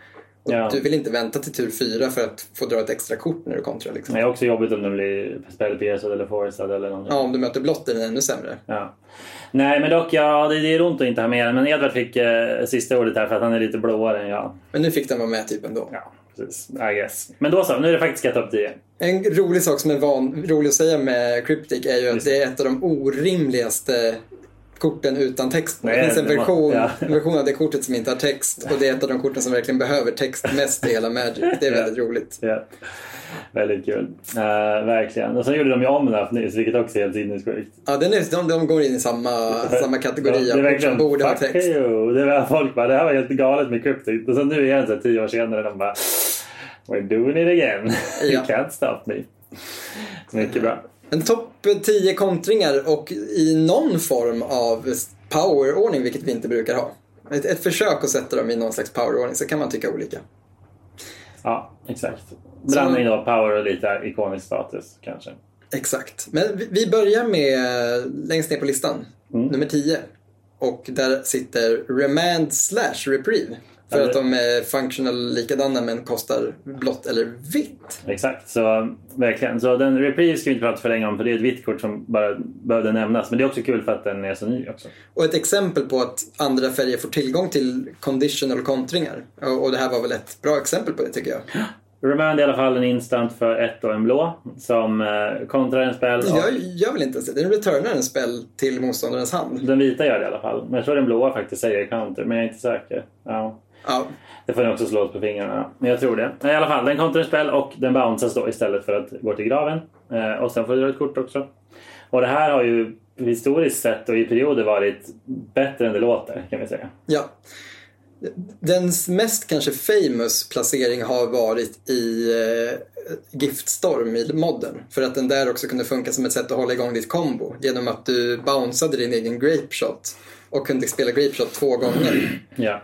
Eh, vilket har varit väldigt starkt i perioder. Eh, men just den leken har, har fallit av metat lite. Och Remand har också fallit, precis som Cryptic Command, fallit av metat lite. ja. Det, det är inte ett tillräckligt bra tempokort längre. Eh, och eh, motståndaren får spela ut spelen igen nästa tur, liksom, vilket oftast inte är vad du vill längre. Nej. Spelsen är oftast så jävla billiga nu för tiden. Många av de spelsen som regerar i typ modden. Eh, att folk Ja. bara kan spela ut den ganska billigt igen nästa Visst, tur. visst. Ja, spelades nog en del under eh, när den var standardlegal för länge sedan och sen också i modden i början av modden i Grixis kontroll och sånt har jag för mig. Ja, för den, är absolut. lätt, den är smidig och lätt att, att slotta in liksom. Och ibland kunde man ju även kontra sin egen spel i niche cases liksom. för att rädda den från en faktisk kontring och det är lite kul. Ja, det är faktiskt coolt. Uh, ja, ja, men det var tian då. Eh, och sen då har vi plats nio. Ja, och här har vi kanske ett av korten som har, ofta har fått ta Cryptic Commands plats skulle man kunna säga. Archmages Charm. Eh, Charms är en gammal hedlig psyk, alltså återkommande tema i Magic och det är kort med tre modes. Eh, och de har kommit en herrans massa gånger. Archmages Charm är inte en del av en cykel dock, utan den kom ensam då i Modern Horizons 1. Och den kostar tre blåa, vilket är varför den inte ser mer spel skulle jag säga. För det är faktiskt en väldigt, även i, i mana eh, fixiga format som Modern, ett problem för många lekar. Eh, men vad den gör är att du kan antingen välja att kontra en spel, du kan välja att dra två kort och du kan välja att ta över en non-land permanent som kostar ett eller mindre. Mm. Exakt, så här ser vi verkligen mycket, ja, tre bra exempel på vad blått har på. Inte konstigt att den kostar trippel. Nej, nej verkligen inte. Den är ju superblå. Det är lite roligt också för oftast brukar charmsen, många av de här senaste charmsen har ju varit trefärgade och kostat liksom blå, röd, eh, grön till exempel skulle en charm kunna kosta. Visst. Och då gör den någonting som känns blått, någonting som känns rött och någonting som känns grönt. Så därför är det flavorsnyggt att den kostar tre blåa och får tre blåa abilities. Mm, verkligen. Eh, Men men- det är bara en väldigt bra deal. Det är aldrig, så länge du kan casta den är det aldrig ett dött kort. För det är som sämst är ju en divination i instant speed. Ja, Och som eh, bäst något mycket bättre. Alltså Ja. typ jättebra combat-trick. Du tar kontroll över någonting, blockar med det, blir av med två grejer. Eh. Tar över motståndarens aid revival som gör att dina andra kontringar inte funkar. ja visst. Väldigt bra bara. Eh, kort och gott. Spelas i modern lite grann. Ja, visst. Inte jättemycket, men tillräckligt mycket för att man stöter på den ibland. Mm. Bra skit. Försök inte ta över motståndarens Colossus Hammers. För bara för att du får kontroll över den så betyder det inte att den inte fortfarande är equippad på det den är equippad på. Om Ja. den redan är equippad. Japp, japp. Du måste kunna klippa om den då och det kan du inte förmodligen. Det är lite lustigt. Ja, visst är det. Det är muppigt liksom flavormässigt, men ja, så är det. Eh, hur som helst, det var nian då. Så nu har vi plats åtta och där hittar vi eh, något, ja, den egentligen mest klassiska kontringen av alla. Definitivt. Ja, och jag, även här Kontringen jag... som har döpt alla kontringar Exakt. Hade jag fått bestämma själv hade det nog varit några sned steg längre ner till toppen. Men Ja. som sagt, eh, hur som helst. Counterspel såklart. Fortfarande bra nog för att se spel i Legacy. Eh, spelas flitigt i modden där den kan spelas. Eh, det är fortfarande väldigt bra att för två mana se till att motståndaren inte får göra det de vill. Mm. Verkligen, och det är precis det det är. Två blåa kontra en spel. Counterspel, det är ju så clean det kan bli liksom. Ett tecken på hur bra den är skulle jag säga är att trots att den är printad till förbannelse på common slots och uncommon slots så kostar den fortfarande 10 spänn. Jo, ja det, Det säger ju lite om hur, hur bra ett sånt kort är skulle jag säga. Verkligen. Det är verkligen. inte många kort som har samma printing som den överhuvudtaget. Framförallt inte du också har, håller ett pris. Det är typ Lightning Bolt och den tillsammans tror jag som är liksom Exakt. mest printade och fortfarande kostar lite pengar. Ja, det stämmer nog. Eh, absolut. Ja, Source of Lovers också. Ja, men den är inte lika printad som några av dem eftersom den alltid har varit En common. uncommon. Ja, det är sant.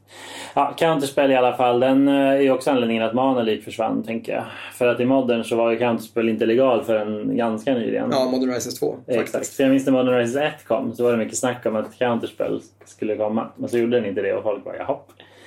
Fail. Och sen så blev det så i alla fall. Eh, många argumenterade ju med rätta att modern var redo för det. Alltså en så starkt kort. Och Ja, ja, visst. Och det stämde ju ändå. Vi hade redan gratis kontringar i form av Force Ja, Negation. Vi var redo att ta nästa steg där. Ja. Och det är inte som att blått har blivit, eller blåa kontrolllek har blivit för bra i modern direkt. Nej, inte alls. Inte på något sätt. Utan den, är, den, ser ju, den är ju väldigt bra i både kontroll och tempo. Mm. Eh, men, men inte på något sätt som att det är ett kort som har förstört modden. Nej, jag minns jag tänkte att jag skulle spela den och att alla skulle spela flera i Murfolk, men så blev det inte. Nej, där ryms den inte riktigt. Man har andra grejer som interagerar bättre, typ. Ja, man har bara inte, alltså man måste bara spela. Du måste jamma en lord Ja, du måste med de bara, två. ja, men typ. Du måste bara gubbar hela tiden för att pressa på. Ja, ja. Och, Ett, ett kort som däremot inte kostar två mana ligger på plats eh, nummer sju. Kostar sju man? Nej. Det gör den inte. Det hade varit snyggt. Eh, men, men så syn- synergist... eh, Men, men skit i det. Där har, där har vi ett kort som jag tror ser åtminstone lika mycket spel, nej det ser fan mer spel än counterspel i formaten där den är legal. Ett jäv, alltså det är ett sånt här kort där man ser det, det ser inte ut att vara mycket för världen men fucking spell pierce. Ja, visst. Det har liksom slagit folk på fingrarna så jävla många gånger. Bara, jag vill göra min grej. Ja, okej. Jag vill kontra det. Och man bara, ja, nej, för jag har en spell pierce. Mm. En blå mana kontra en non-creature spell om inte motståndaren betalar två. Ja, den är ju liksom, den är skitbra jämsides med andra kontringar, den är skitbra mot kontringar, den är skitbra mot planeswalkers som är ju en jävla plague i alla format. Eh, så ja, shit vad, vad mycket, jag, när jag lyssnar på Legacy-poddar och kollar på Legacy-videos, hur ofta det är som så här hoppas de inte har en spell pierce. Det, är- det sägs liksom minst lika ofta som hoppas de inte har en force of will. Ja, men typ alltså. Ja. För när spell, spell pierce är bra så är den ju väldigt mycket bättre än force of will. Ja, verkligen. Du behöver inte diska något kort. Nej, en fucking mana för Ja. att sätta käppar i hjulet. Det är så jävla nice. Det är väldigt billigt. Alltså det är inte svårt att hålla upp en mana. Medan två mana kan vara svårt. Alltså vi tänker på counterspel. Ja. Alltså att, eh, att hålla upp en, det klarar man ofta. Faktiskt. Alltså, Ja, men du, kan du ändå, spela- du kan ändå deploya någonting. Ja, du kan ändå få in en brainstorm, du kan ändå få in en gubbe, du kan ändå få in, alltså precis. Du kan få in din andra kontring och svara på deras kontring med den här. Liksom. Ja. Med det sagt. När den är dålig så gör den ju ingenting. de betalar ju bara. Eh, Exakt, till skillnad från andra kontringar som oftast fortsätter göra någonting, om inte motståndaren har liksom sätt att hantera dem, så, så har ju Spellpierce lägen där den är död bara för hur den fungerar. Ja. Väldigt late game liksom. Eh, ofta kan man ju vänta och till slut plötsligt får man value för den. Men andra gånger så gör den ju väldigt lite. Nej. Eller så måste du droppa flera spel på samma spel och det känns ju inte bra. Exakt. Men, men ett situationellt kort som verkligen gör susen. Och Verkligen. vi ska hålla oss kvar i det situationella segmentet här. Yes. Och då är det på plats 16. Yes, varsågod. Och där har vi eh, Red Elemental Blast då. Eh, eller Pyroblast. Det här är en till dubbel för att de korten är väldigt lika varandra. Ja, Men eh, båda säger att för en blå mana så får du kontra en röd spel eller förstöra en röd permanent. Nej, i det här fallet är det för en röd mana så får du kontra en blå spel faktiskt. Både Red Elemental Blast och Pyroblast eh, tar eh, blå kort. Ja, ja, ja. Ah, Okej, du körde en sån. Just det. Ja, det är en fuling här. Dels för att jag tycker det är coolt med kontringar som är off-color, men också för att jag skulle säga att det här är de klart bättre av de två. Alltså de blåa varianterna. Det finns en blå variant om jag sätter Blue Elemental Blast eller Hydroblast. Mm, Just det, jag blev lite förvirrad. Precis. Mm, fullt rimligt. Det är, du är inte den enda. Och det de gör är att de för en röd mana kan kontra en blå spel eller förstöra en blå permanent. Just det. Och det som, det här är ju otroligt bra mot blått eller rött, beroende på vilken variant du har då. Eh, Men varför jag tyckte att den här var mer relevant är för att den, den blåa är ju liksom ett sideboardkort specifikt mot röda lekar. Mm. Medan den röda spelas ju i princip i alla röda lekar som finns i, i Legacy. Ja, för att Och- blått är en, en större färg, ja, populärare färg. Exakt. Ja, så motståndaren försöker fovva din eh, vet du, stacks piece och du bara nej, en mana, hej då. Mm. Eller motståndaren försöker slå ihjäl dig med en Murktide. Visst. Fuck off. Ja, nej, men exakt. Den är väldigt bra mot Murktide och det är ju skönt att man har den därför. Uh, visst är det så. Nej, men vad ska man säga? Blått är så bra och eh, det här är en av de bästa sätten att slå tillbaks liksom. Ja, verkligen. Sen så som sagt, här på sjätteplatsen så, så, så trängs ju också som du sa den mot, alltså den speglade spelen då som tar röda spels. Men det är alltid någonting, det är någonting galet med ett kort som bara kostar ett och som inte både, alltså som kan kontra och ta hand om det på plan. Mm. Det är så jävla bra. Jag såg en så jävla cool sak i en sån Legacy-video som jag tittade på häromdagen. Som var att en spelare hade en Doty Voidwalker i spel. Ja. Och hade fått sisat eller griefat och sett att motståndaren hade tre Red Elemental Blast på handen. Jag bara, Okej, jag kommer inte resolva några fler blåa spels. Och till råga på det hade motståndaren en Murktide i spel. Ja. Mm. Han hade inga sätt i hela sin lek att hantera en Murktide. Så det var bara så här, jag kommer bara dö till den här Murktiden tyvärr, det är kört liksom. Tills han kom på att om jag får motståndaren och kontra någon av mina blåa spels med sin Red Elemental Blast så kommer den exilas till Doty Voidwalker. Ja. Så kommer jag kunna sacka Voidwalker Och för att panga den. Så han vet ju inte att det här är det enda sättet jag har att svara på det. Så han spelar en Brainstorm. Motståndaren som sitter med tre rebbar som inte gör någonting. Bara okej, jag kontrar väl den här Brainstormen antar jag. Och så vann han matchen för att han kunde svara på Murktiden genom motståndarens Red Ja. Elemental Blast. Men det är just den där grejen att den kan ta en fucking 8-8 flying för en röd mana. Det är verkligen Det är riktigt nice. sick kort alltså. Ja, jag spelar den ju lite i Legacy trots att jag har Charles i leken, vilket egentligen är lite non Men det är ändå värt det typ. Då kan man ju bräda ut Chalice när man brädar in den ofta också, även om de är bra i samma matchups. Ja, eller så får man bara deal with it. Hoppas att han inte drar båda. Ja. Yes, gött. Då är vi halvvägs då. Så då har vi plats fem. Plats nummer fem är ett kort som redan är nämnt idag och det är Force of Negation. Alltså moderns, eh, och det spelas jättemycket i Legacy också, men moderns svar på Force of Will. Eh, det är en eh, kontring för två blå och en som kan ta en non-creature spell.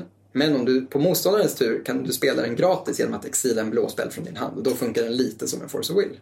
Exakt, och det där var ju Wizards då försök att göra nya forcer då. I, En fixad Force. Ja, ungefär så. Eh, och de lyckades väl i den mån att det är inte som att den är bättre än Force of Will, det är den ju inte, den är ju sämre. Men den är så jävla bra så att den spelas ibland tillsammans med Force of Will. Ja, men vissa lekar kör sju liksom med Ja, sina 75 kort exakt. och den spelas väldigt mycket både modern och legacy och framförallt i modern så är det ett sätt att hantera vissa av de här riktigt snabba kom- alltså kombolekarna. Det enda sättet ibland. Ja, det finns ju Tourette-lekar. Det finns Tourette-lekar i modden och om du vill kunna hantera liksom en, en Grizzlebrand runda ett så kan det här vara ditt enda sätt. Ja, Eh, precis. det är Kontra neoform då menar du? Mm, Ja, mm. precis. Verkligen, verkligen. Nej men eh, så är det. Force of Negation är också så bra för att du, det är oftast inga större... Alltså det händer ju att du hardcastar den ganska ofta. Alltså, Eftersom den bara kostar- tre. Ja. Exakt, tre är ju överkostat för en negate med liten upside. Den exilar ju också. Eh, av någon anledning. Jag vet inte varför de la till det, men okej. Eh, ja, den, men ändå. Eh, och tre mana negate är fortfarande fine. Alltså, Oh ja. man, och man är ju glad att slippa diska ett kort. ja. Faktiskt. Nej, verkligen. Nej, men eh, Force of Negation har, har gjort sitt avtryck på Magic the Gathering. Får man säga. Jag skulle säga att det är det mest impactful kortet från eh, första Modern Horizons. Och sen Ja. finns det andra kort som typ Force of Vigor framförallt som också stiger upp. Men de två forcerna är ju... Ah, Okej, det finns bannade kort i Modern som har gjort mer impact i Modern. Typ Hogak och Astral, vad heter den? Eh, det med jävla filterkortet som var helt Jaha, broken. ja, ja, ja, det är i Pauper, ja. Mm. Nej, i alla format är den bannad. Den är bannad i Legacy och i Modern. Jaha, ja, just Vad det. fan heter den? Eh, Jag glömt. Den är så jävla bannad så jag har glömt. Astrolaben. Ja, Astrums Astro. Men den har man förträngt. Just det. Eh, Den är fucking bannad överallt. Det är ändå sjukt. Jag vet inte om den är bannad i vintage, men det skulle vara där man kan spela den. Liksom. Ja, jösses. Ja, fy fan. Sen finns det massa andra impactful kort från det sättet, men jag skulle ändå säga att de här två forcarna har gjort, gjort det största avtrycket. Det vågar jag stå för. Ja, men det är en bra hot take. Vi. Även där, fight him in the comments, eh, vet jag. Yes, Force Negation med det. Men då är vi på plats fyra. Och här är också en spel som man ibland spelar gratis-ish. Det kommer nog vara ett tema tror jag, för, eller det redan börjat bli ett tema här. Ja, men Någonting det- med gratis kontringar är jättebra. Who could have known? Ja, nej, det sticker ju verkligen ut här i topp fem. Eh, vi, vi, ja, vi har Days här. På fjärde plats har vi Days, ja exakt. Och det är också ett sånt kort som man ofta sitter och hoppas de inte har en. Vad ska jag göra liksom? Ska, Ja, ja, jag, inte, ska jag bara inte spela en spel? Days är alltså en eh, jättedålig manalik på, till att börja med. Det Ja. kostar en blå och ett för att kontra en spel om inte motståndaren betalar ett. Ja. Och det kan ju många göra ofta. Exakt. eh, när du väl har två mana. Grejen är att du kan också välja att spela den genom att return an island till din hand. Japp. Istället för att betala kostnaden. Och det här är ju det spännande för en uttappad motståndare kan helt plötsligt kontra alla dina spells om du tappar ut. Ja men exakt. Och det här spelas ju Legacy och eh, säkert i Vintage om någon Fram- spelar och i pre-modern Och del. i pre-modern ja. Absolut. Nej men det är bara tempo, det är tempo-playens tempo-play liksom. Alltså du packar upp deras plan utan att behöva betala mana. Visst, du blir ju lite down. Alltså Bounce an Island är ju inte gratis. Alltså du hamnar ju lite efter. Alltså du kan ju inte spela ditt tre-dropp då tur två eller något. Men det är ofta värt det, den typ av lekar den spelas liksom. Ja, och det, som, det som den gör är att den tvingar motståndaren att spela på ett annat sätt. Så fort det ligger en island-spel, om du är en Days-lek, eh, eller en lek som teoretiskt skulle kunna vara en Days-lek, så måste de alltid ta hänsyn till, har jag råd att gå in i en Days? Mm. Är det liksom, vad, vad, hur påverkas jag av det? Och du tvingar din motståndare att tänka på det. Bara den grejen förändrar spelet i grunden. Mm. Days är ett av de här legacy-korten som gör legacy till legacy. Eh, och eh, som den, en av de största skillnaderna mellan legacy och modern. Alltså ska man gå från modern till legacy så är det här ett av de största liksom. Ja, det är gratis kontringarna. Alltså till fler liksom. It's one of those days. Ja. Nej, och det, det som är fint med Days är att du kan spela runt den på ett annat sätt så du tvingar dig spela. Alltså FOV är ju bara FOV. Liksom. Men, men Days, ja, det, den har ju sin eh, sin charm i att du, ja, du kan liksom välja att vänta på ett annat sätt. Du kan inte välja att vänta ut en, en FOB oftast. Nej, tvärtom. Då drar de säkert ett annat kort de hellre diskar. Så. Exakt. så ja. ja, men exakt. Det är, alla som spelat mot den och mer än vet vad vi pratar om. Ja. Så ja, så är det. På tal om gratiskontringar. Just det. Här är, till, här är ett pick som man kan kalla lite kontroversiellt men den är så jävla bra i sitt format. Då. Ja. Ehm, ja. Fierce Guardianship nummer tre då.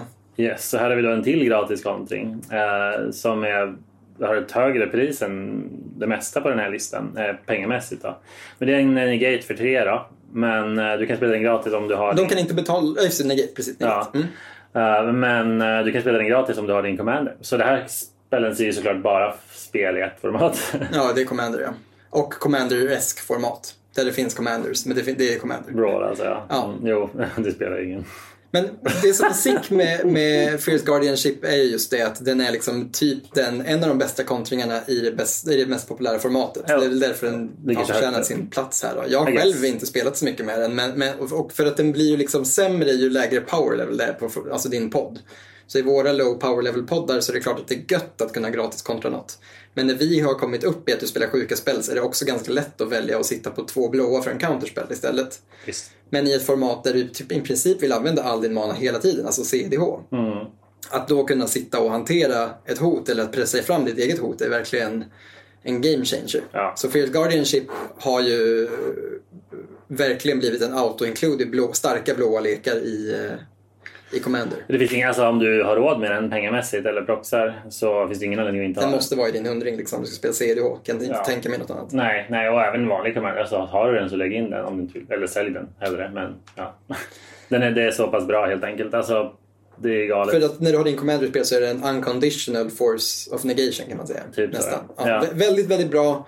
Eh, den måste ha varit liksom avgörande för så otroligt många matcher sedan den trycktes. Alltså någon, någon eh, försöker kontra din, liksom, eh, vad heter det, Ehm, eh, Cyclonic Rift. Och du säger nej, Mm. det blir inget. Jag har tre mana till här som du inte visste om, eller den är gratis. Liksom. Ja, exakt.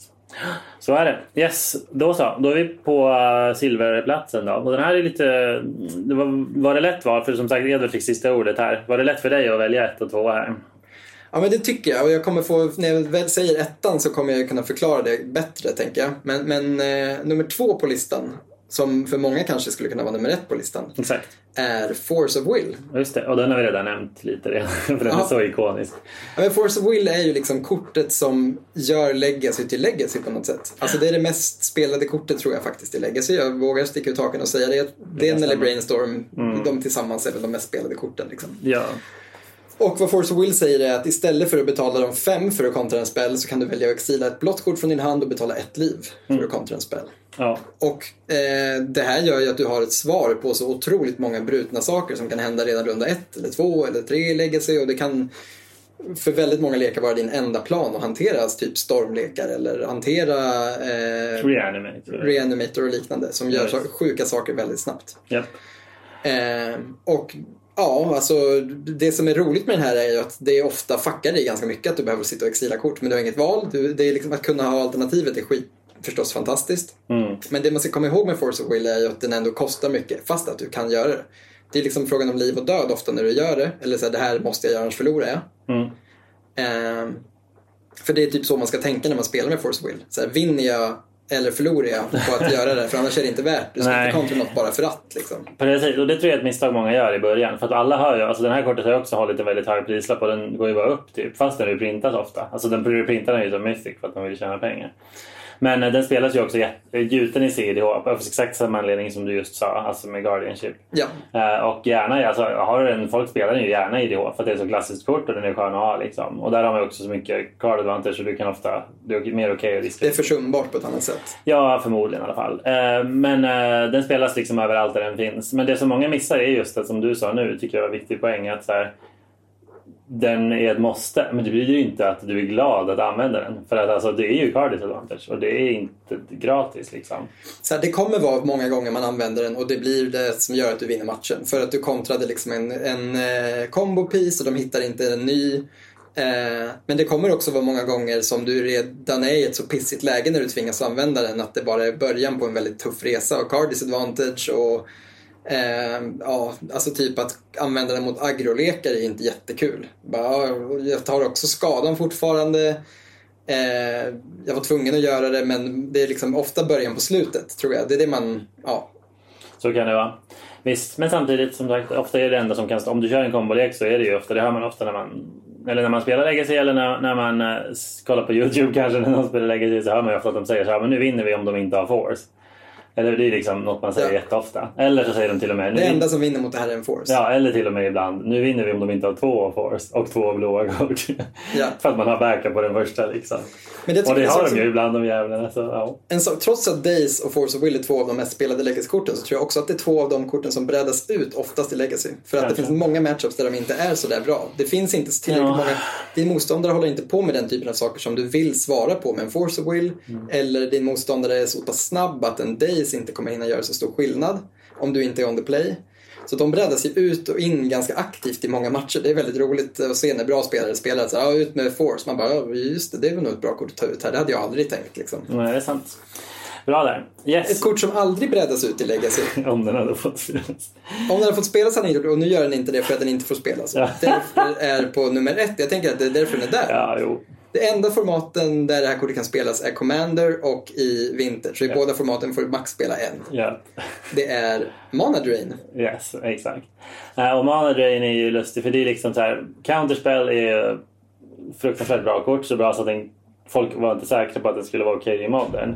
Och den här är exakt samma fast mycket bättre. Det bästa av allt är att de trycktes i samma samtidigt.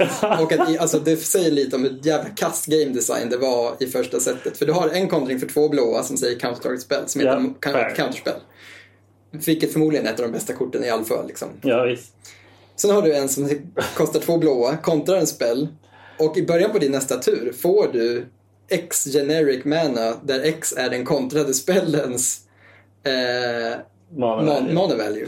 Exakt, så du får liksom en gratis ritual som ibland är ganska redig också. Så inte nog med att du hanterade något som motståndaren höll på med, du får också massa mana till nästa tur. Ja, eller åtminstone någon. Alltså allt ifrån 1 till 5. Alltså det spelar ingen roll. Typ. Det är bara så jävla gravy liksom. Och i Commander är den ju helt brutal. Oftast Ja. är det typ, du kontrar, säg att du kontrar någons fucking fyr, fyrdropp. Bara. Ja, inte så farligt. Nej. Och du har också kommit så att du har fyra mana. Ja. Ta, ta din tur. Du har åtta mana helt plötsligt när alla andra håller på fortfarande och dörlar på fyra mana. Ja. Eller sju mana eller vad det nu Alltså det är bara så sjukt. För då spelar du helt plötsligt ut typ din, eh, vad heter den, eh, eh, nya gate-kortet eller något sånt. Någon sån här sjuk jävla artifact som bara Ja, tar ja. kontroll över hela jävla matchen. Ja, ja, visst, visst. Uh, Gate of Rex, ja. Ja, heter den så? Det är den gamla. Ja, just det. Oklart. Ja, skitsamma, ni fattar vad jag menar. Det här är verkligen ett kort som tar över en match från ingenstans ofta. Portal of Rex. Por- Portrait for X, exakt. Så vad det här kortet gör är att du både hanterar någonting vidrigt och sen får du göra en egen vidriga grej på din tur oftast. Ja, och det är ingen kostnad. Som sagt, det är inte att den kostar 3. Då hade den fortfarande varit bra. Eh, eller något. De det, finns, faktiskt... det finns nya kort som gör det här och kostar typ fem. Liksom. Just, ja, de tryckte en Du får fixad version. treasures som CMC Just, på det kostar kortet. 5 typ. Ja. Den är skitbra också, Jo. ska ju sägas. Den, den är Ja. verkligen, för Ja. att göra det så blir det oftast bonkers för att Ja. du får treasures, vilket är bättre. Jag har inte nämnt det, men det finns ju liksom en kategori kontringar som just kontrar spellen och typ tar den. Eller ger det en stor bonus. Dyra de kost- kontringar med stora upsides. Exakt, typ som Spelljack. Cryptic och, Command är väl den kändaste. Ja, och Desertion och Spelljack och sånt där. Commandeer. Men de kostar ju alltid massa mana. För att det är så jävla litet. Ja. Ja, ja. Nej, Mana Drain etta, jag köper det. Eh, En sak, allra sista om det och allra sista på topp 10-listan kanske är att nämna att när Mana Drain trycktes så fanns ju Mana Burn dock. Eh, Så då kunde det vara en drawback. Alltså att du fick manan. Du var tvungen att kunna använda den på något sätt. Ja, annars kan det ju det bli skada. jobbigt. Så det fanns ju scenarion, det hände säkert. Och det liksom, alltså när du kontrar en riktigt dyr spel. Eh, men du kunde liksom inte. För att nästa runda, om du inte topptäcker en spel du kan spela, så får du jättemycket mana burn. Det är sant. Det är sant. Nu är det en, nu är det en clear cut Ja. upside. Men det var Då inte det då. Nej, Nej, och det är också bara colorless mana. Så ibland så, ja, vill du, du fattar. Du kan inte spela riktigt det du hade tänkt. Men Nej. ja, ja. ja det Men det. det, det, det eh, kontringar alltså. Magics kanske mest frustrerande och samtidigt geniala mechanic. Verkligen. Men då så. Då försöker vi avsluta det här kalaset. Har du, har du tänkt på att andra kortspel ofta inte har kontringar på samma sätt som Magic? Alltså typ, Äh. en, en av de stora skillnaderna mellan Magic och Yu-Gi-Oh till exempel är att Yu-Gi-Oh inte har den typen av spells. Okej. Det kan finnas traps typ som kan göra liknande saker. Och, och Hearthstone. Hearthstone är ju ett verkligen ett exempel på det, där det finns en trap tror jag som kan kontra. Som till och med tror jag. Men annars finns det inget. Nej. Inte alls på samma sätt. Utan Nej. det är ju Magic-grejen här med bara nej. Mm, Det finns ju till och med en sån t-shirt med en blå mana-symbol så står det bara nope stort Ja, på ja, magen. Ja, ja. Jävla fin. ja, det är det. Oh well, you love to hate it. Då så. Vi, eh, vi hoppar vidare. Vi rör oss tillbaka till huvudsegmentet. Exakt, jag vet inte om vi har så mycket mer att prata om. Eh, Jag tänker att vi vill eh, eh, gå över till eh, lite klassiska blåa lekar också. Vi nämner några. Ja. Några hår... eh, Vad heter, några som har fått en att dra i håret några gånger eller som har fått en att skratta när de kommer hem efter en turnering. Mm.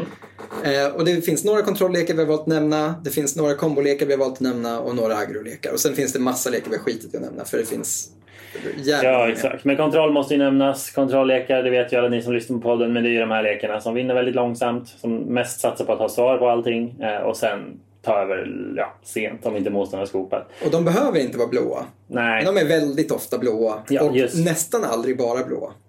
Nej, monoblå kontroll är ovanligt. Det, var, det Jag, jag försökte komma på några som är så kända och då är typ Stasis är ju en sån klassisk monoblå Ja, kontrolllek. Men den ser ju bara spel i primo. Sen tror jag att blå, monoblå kontroll fanns under Cryptics standarddagar. Ja, Så. Garanterat. Men, men det är ändå ovanligt Ja. nu. Eh, dels för att manafixing har blivit bättre men också för att blått inte gör allt som en kontrolllek vill göra. Den är Nej. dålig på att sweepa. Ja. Vilket är väldigt viktigt ofta i blått. Ja. Eh, den är dålig på, ja, på remove, ja, förlåt, i kontroll. Och den är dålig på att remova saker generellt. Ja. Vilket du vill kunna göra. Exakt. Så det är ofta bättre att kombinera. Och dålig på att finisha. Vilket du också behöver Ja, hitta ett sätt att sant, göra. sant. Så att, Nej, precis. Det visar sig att det bästa att göra är oftast att uh, slå, ihjäl motståndaren med snapcast. Nej, det kan man göra också. Men oftast är det bättre att kombinera med... Vitt eller rött faktiskt. Ja, eller svart ja. är populärt. Ja, Grönt väldigt ovanligt. Blågrön kontroll Nej, jag det never heard hört. Det är sant.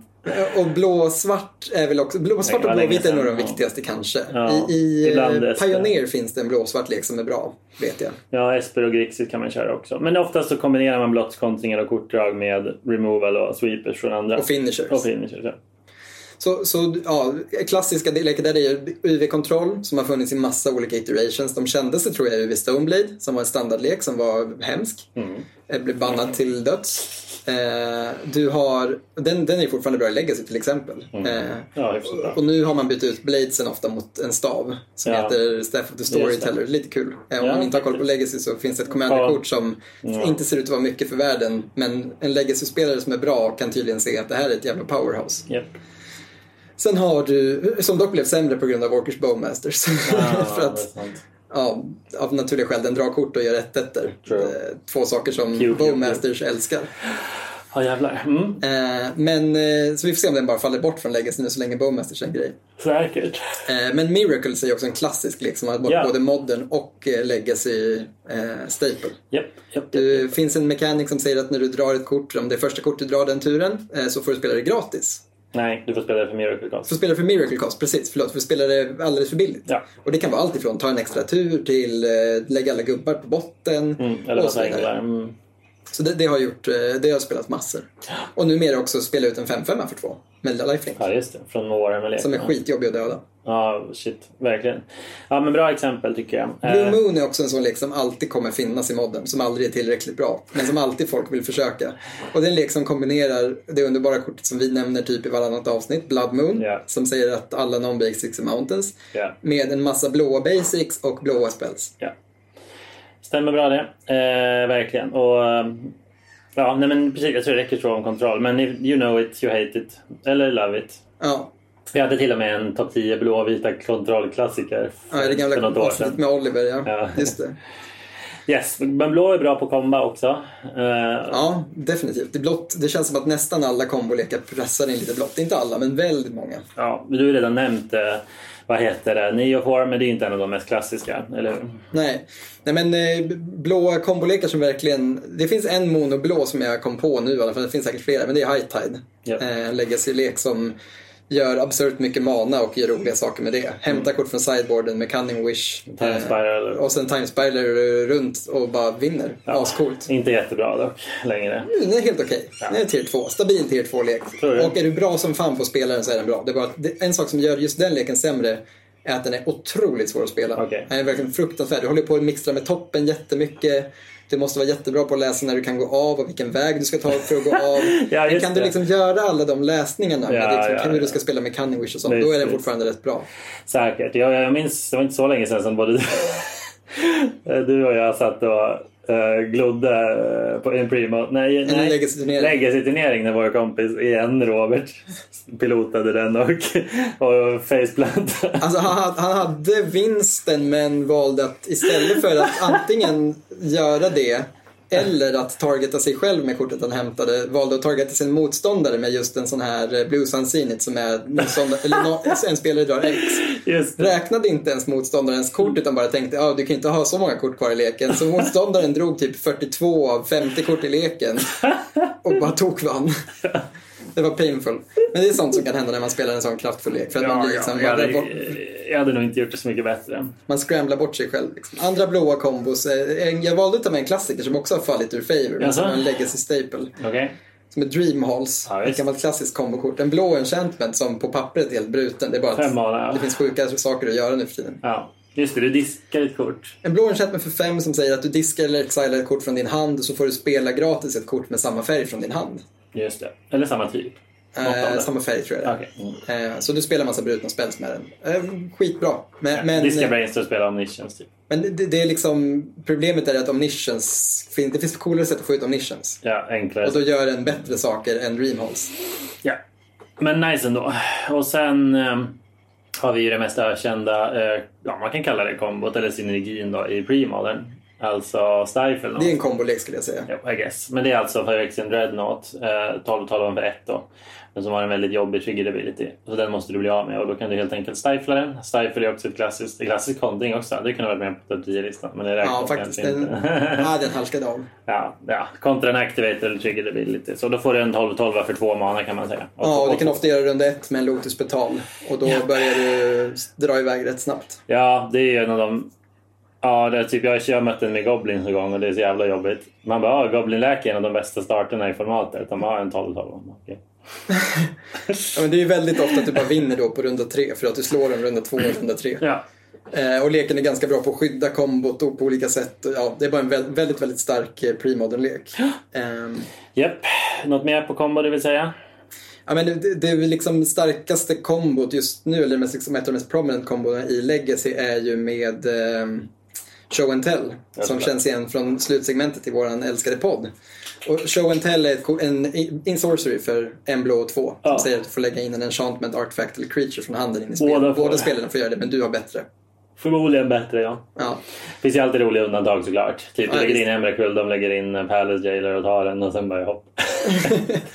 Jajamän. Nej, men det, det, du helst, lägger in spagettimonstret bara in i finken, bara fular in den i häktet. Det du helst vill lägga in är ju eh, Omniscience. ja. Så att du kan casta din Emrakul istället och bara döda dem direkt. Japp, japp, japp, japp. Jag mötte det. Jag mötte ju, den körs ju ofta nu för tiden tillsammans med Sneak Attack så du har två sätt att fuska in dina monster. Ja.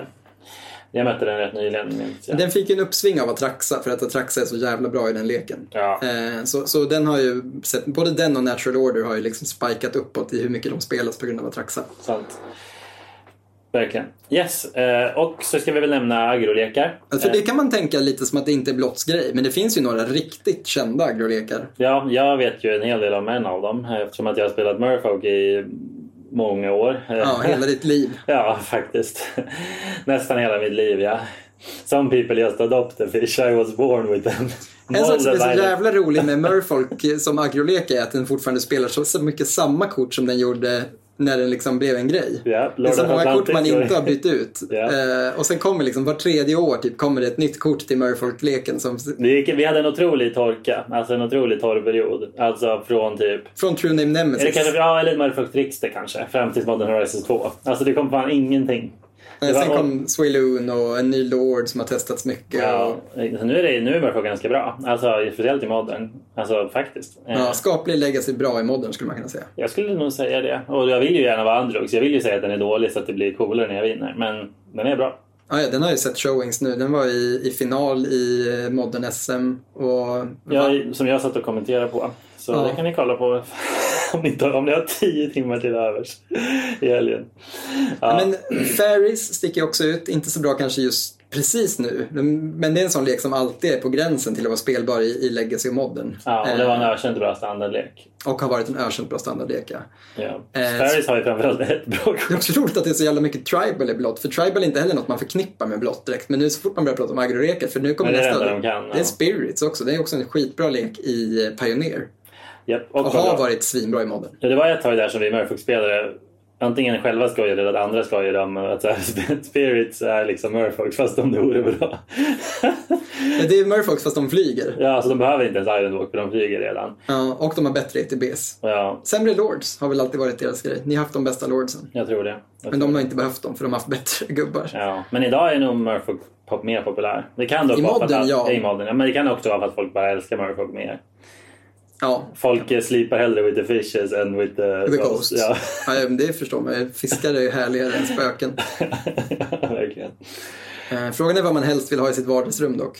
Eller i sin säng när man nu pratar om att sova. Ja, det är sant. Båda är dåliga val.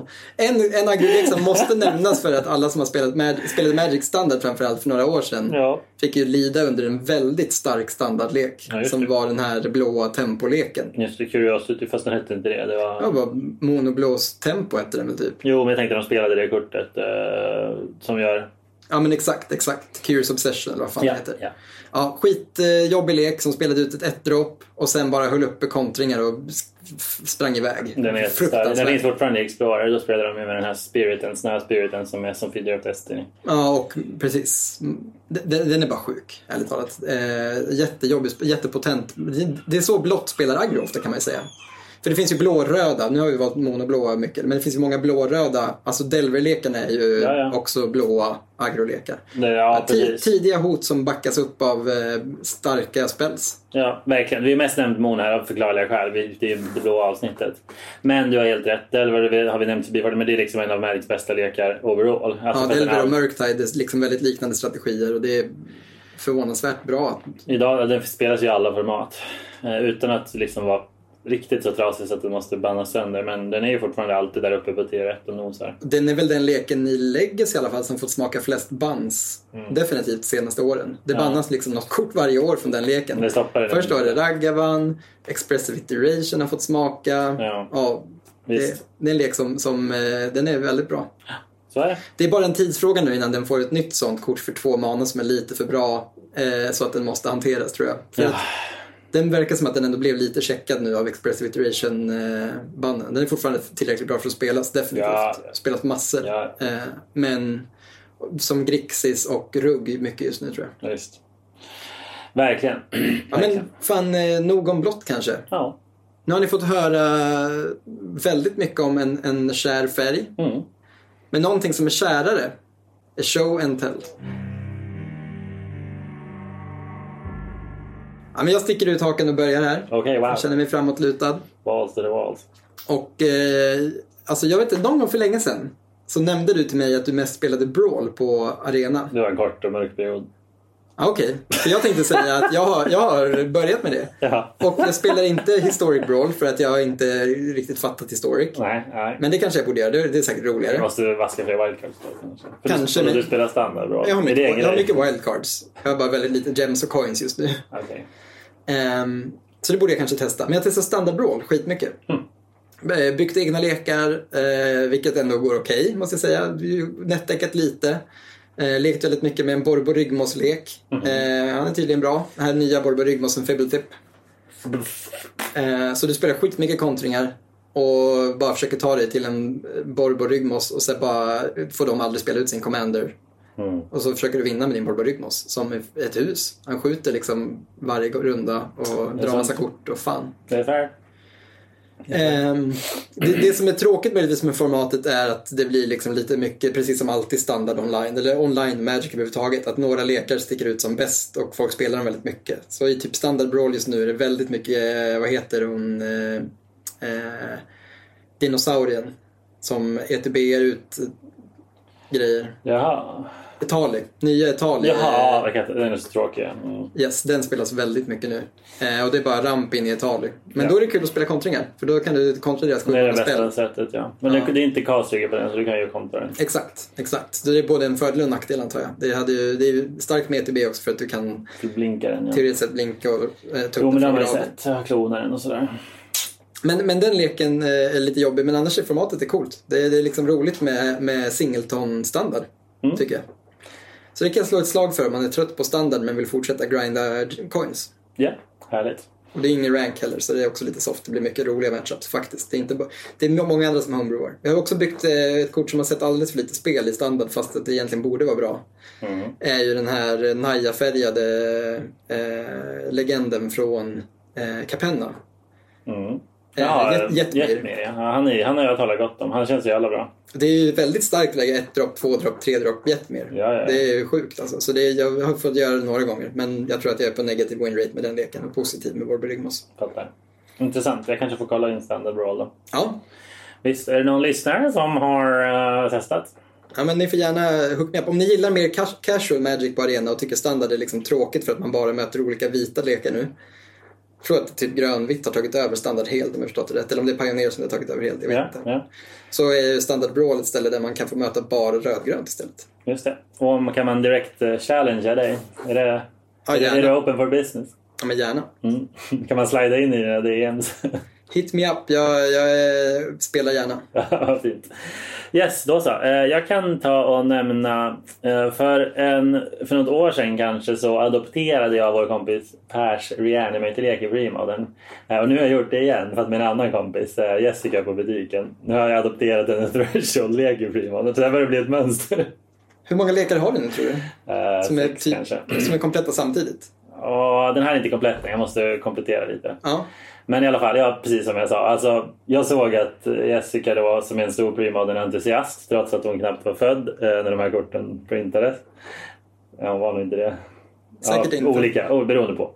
I alla fall. Eh, en eh, väldigt entusiastisk eh, premodern, eh, ett premodern-fan och eh, jag jag blev, ganska charmad av att hon hade byggt en grönvit threshold-lek för något halvår sedan. Och sen fick jag höra nyligen om att hon lagt ner den. Och jag bara va? Det här är inte okej.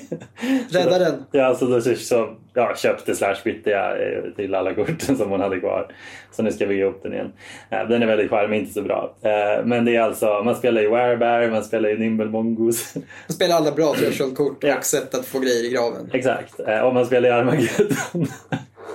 Så förhoppningen är att man lägger ett dropp, två dropp, tre dropp Armageddon i princip. Och sen växer gubbarna för det är mycket land i Så du har stora gubbar och de kan inte hantera det. Ja. Det, ja, det är inte så bra tydligen, men rätt nice. Man spelar också en av de coolare korten, ja, typ någonsin. Om man får, och nu tog jag i lite, men ett kort som jag och många andra verkar tycka är asballa, det är Mystic Enforcer från Odyssey. Den är skitcool. Ja, alla, det var så väldigt, man bara jävlar vilken king-kort, men den var aldrig bra nog. Den har bara rätt text liksom. Ja, man gillar det, men det var inte bra nog. Fast nu det här... Berätta för lyssnarna. Ja, det är alltså en eh, 3-3, jag kommer inte ihåg vilken crit type den har, men det är en 3-3 för 4, men du måste ha grön och vitt, så grön, vit, 4 mana. Eh, det är en 3-3 med Pro Black, så okej. Så, ja, fine. Där är den fine. I vissa matchups är den helt sjuk i Eh, ja. Men sen om du har Threshold då, så får den plus 3 plus 3 av flying, så då blir den ett hus. Och då, precis, då har du precis en 6-6 för 4. Och Ja. Det är nog ett av de bästa gubbarna i premodern i så fall. Ja. Alltså med den statline. Ja, ja. Så, ja, så vi får se. Jag ska bygga ihop leken och så får jag väl ta med den till Eskilstuna igen. Så får den kanske spela mot Jessica med den då. Så det var det. Tusen tack för att ni har valt att lyssna på ännu ett långt och härligt avsnitt av På stacken. Vi släpper som bekant våran podd lite när vi känner för det. Vi försöker i alla fall hålla ett avsnitt i månaden just nu eh, och det har gått okej. Mm. Vi ska börja med att tacka, eller avsluta med att tacka några av våra trogna medhjälpare. Än så länge så lägger fortfarande Tobias Persson upp våra avsnitt genom en egen hostingtjänst. Japp. Eh, Vi är väldigt tacksamma för. Vi får hjälp av Kristoffer Gandrén som också är en del av På stacken med att klippa och producera avsnitten. Vi har fått en fin textlogo av Ember Artworks och inte minst så har vi fått en läcker visningsprofilbild av Nick Staffas, numera en ny. Vi har två, precis, vi har fått en till ja. Men det kanske... I våra sociala medier kan Ja. ni se den nya där även Kristoffer då syns inklippt i en av Magics eh, mindre kända bilder. Ja. Och eh, vi har också, nu, jag fan hur många det är, men vi, våran eh, jingel, våran eh, fina jingel som kommer alldeles strax här nu är gjord av Marcus Mackan Östlund som ni också kan se på vårt Instagramkonto där han sitter och spelar Magic i Harrys kök. Ja. Det är faktiskt fint att alla fem av de här personerna som hjälper oss har eller spelar Magic, har spelat eller Ja, spelar det är Magic. såklart. Det ska det vara. Då så. Ja men eh, tusen tack för att ni har lyssnat. Ja, puss puss. Hej hej. Puss! Glad sommar.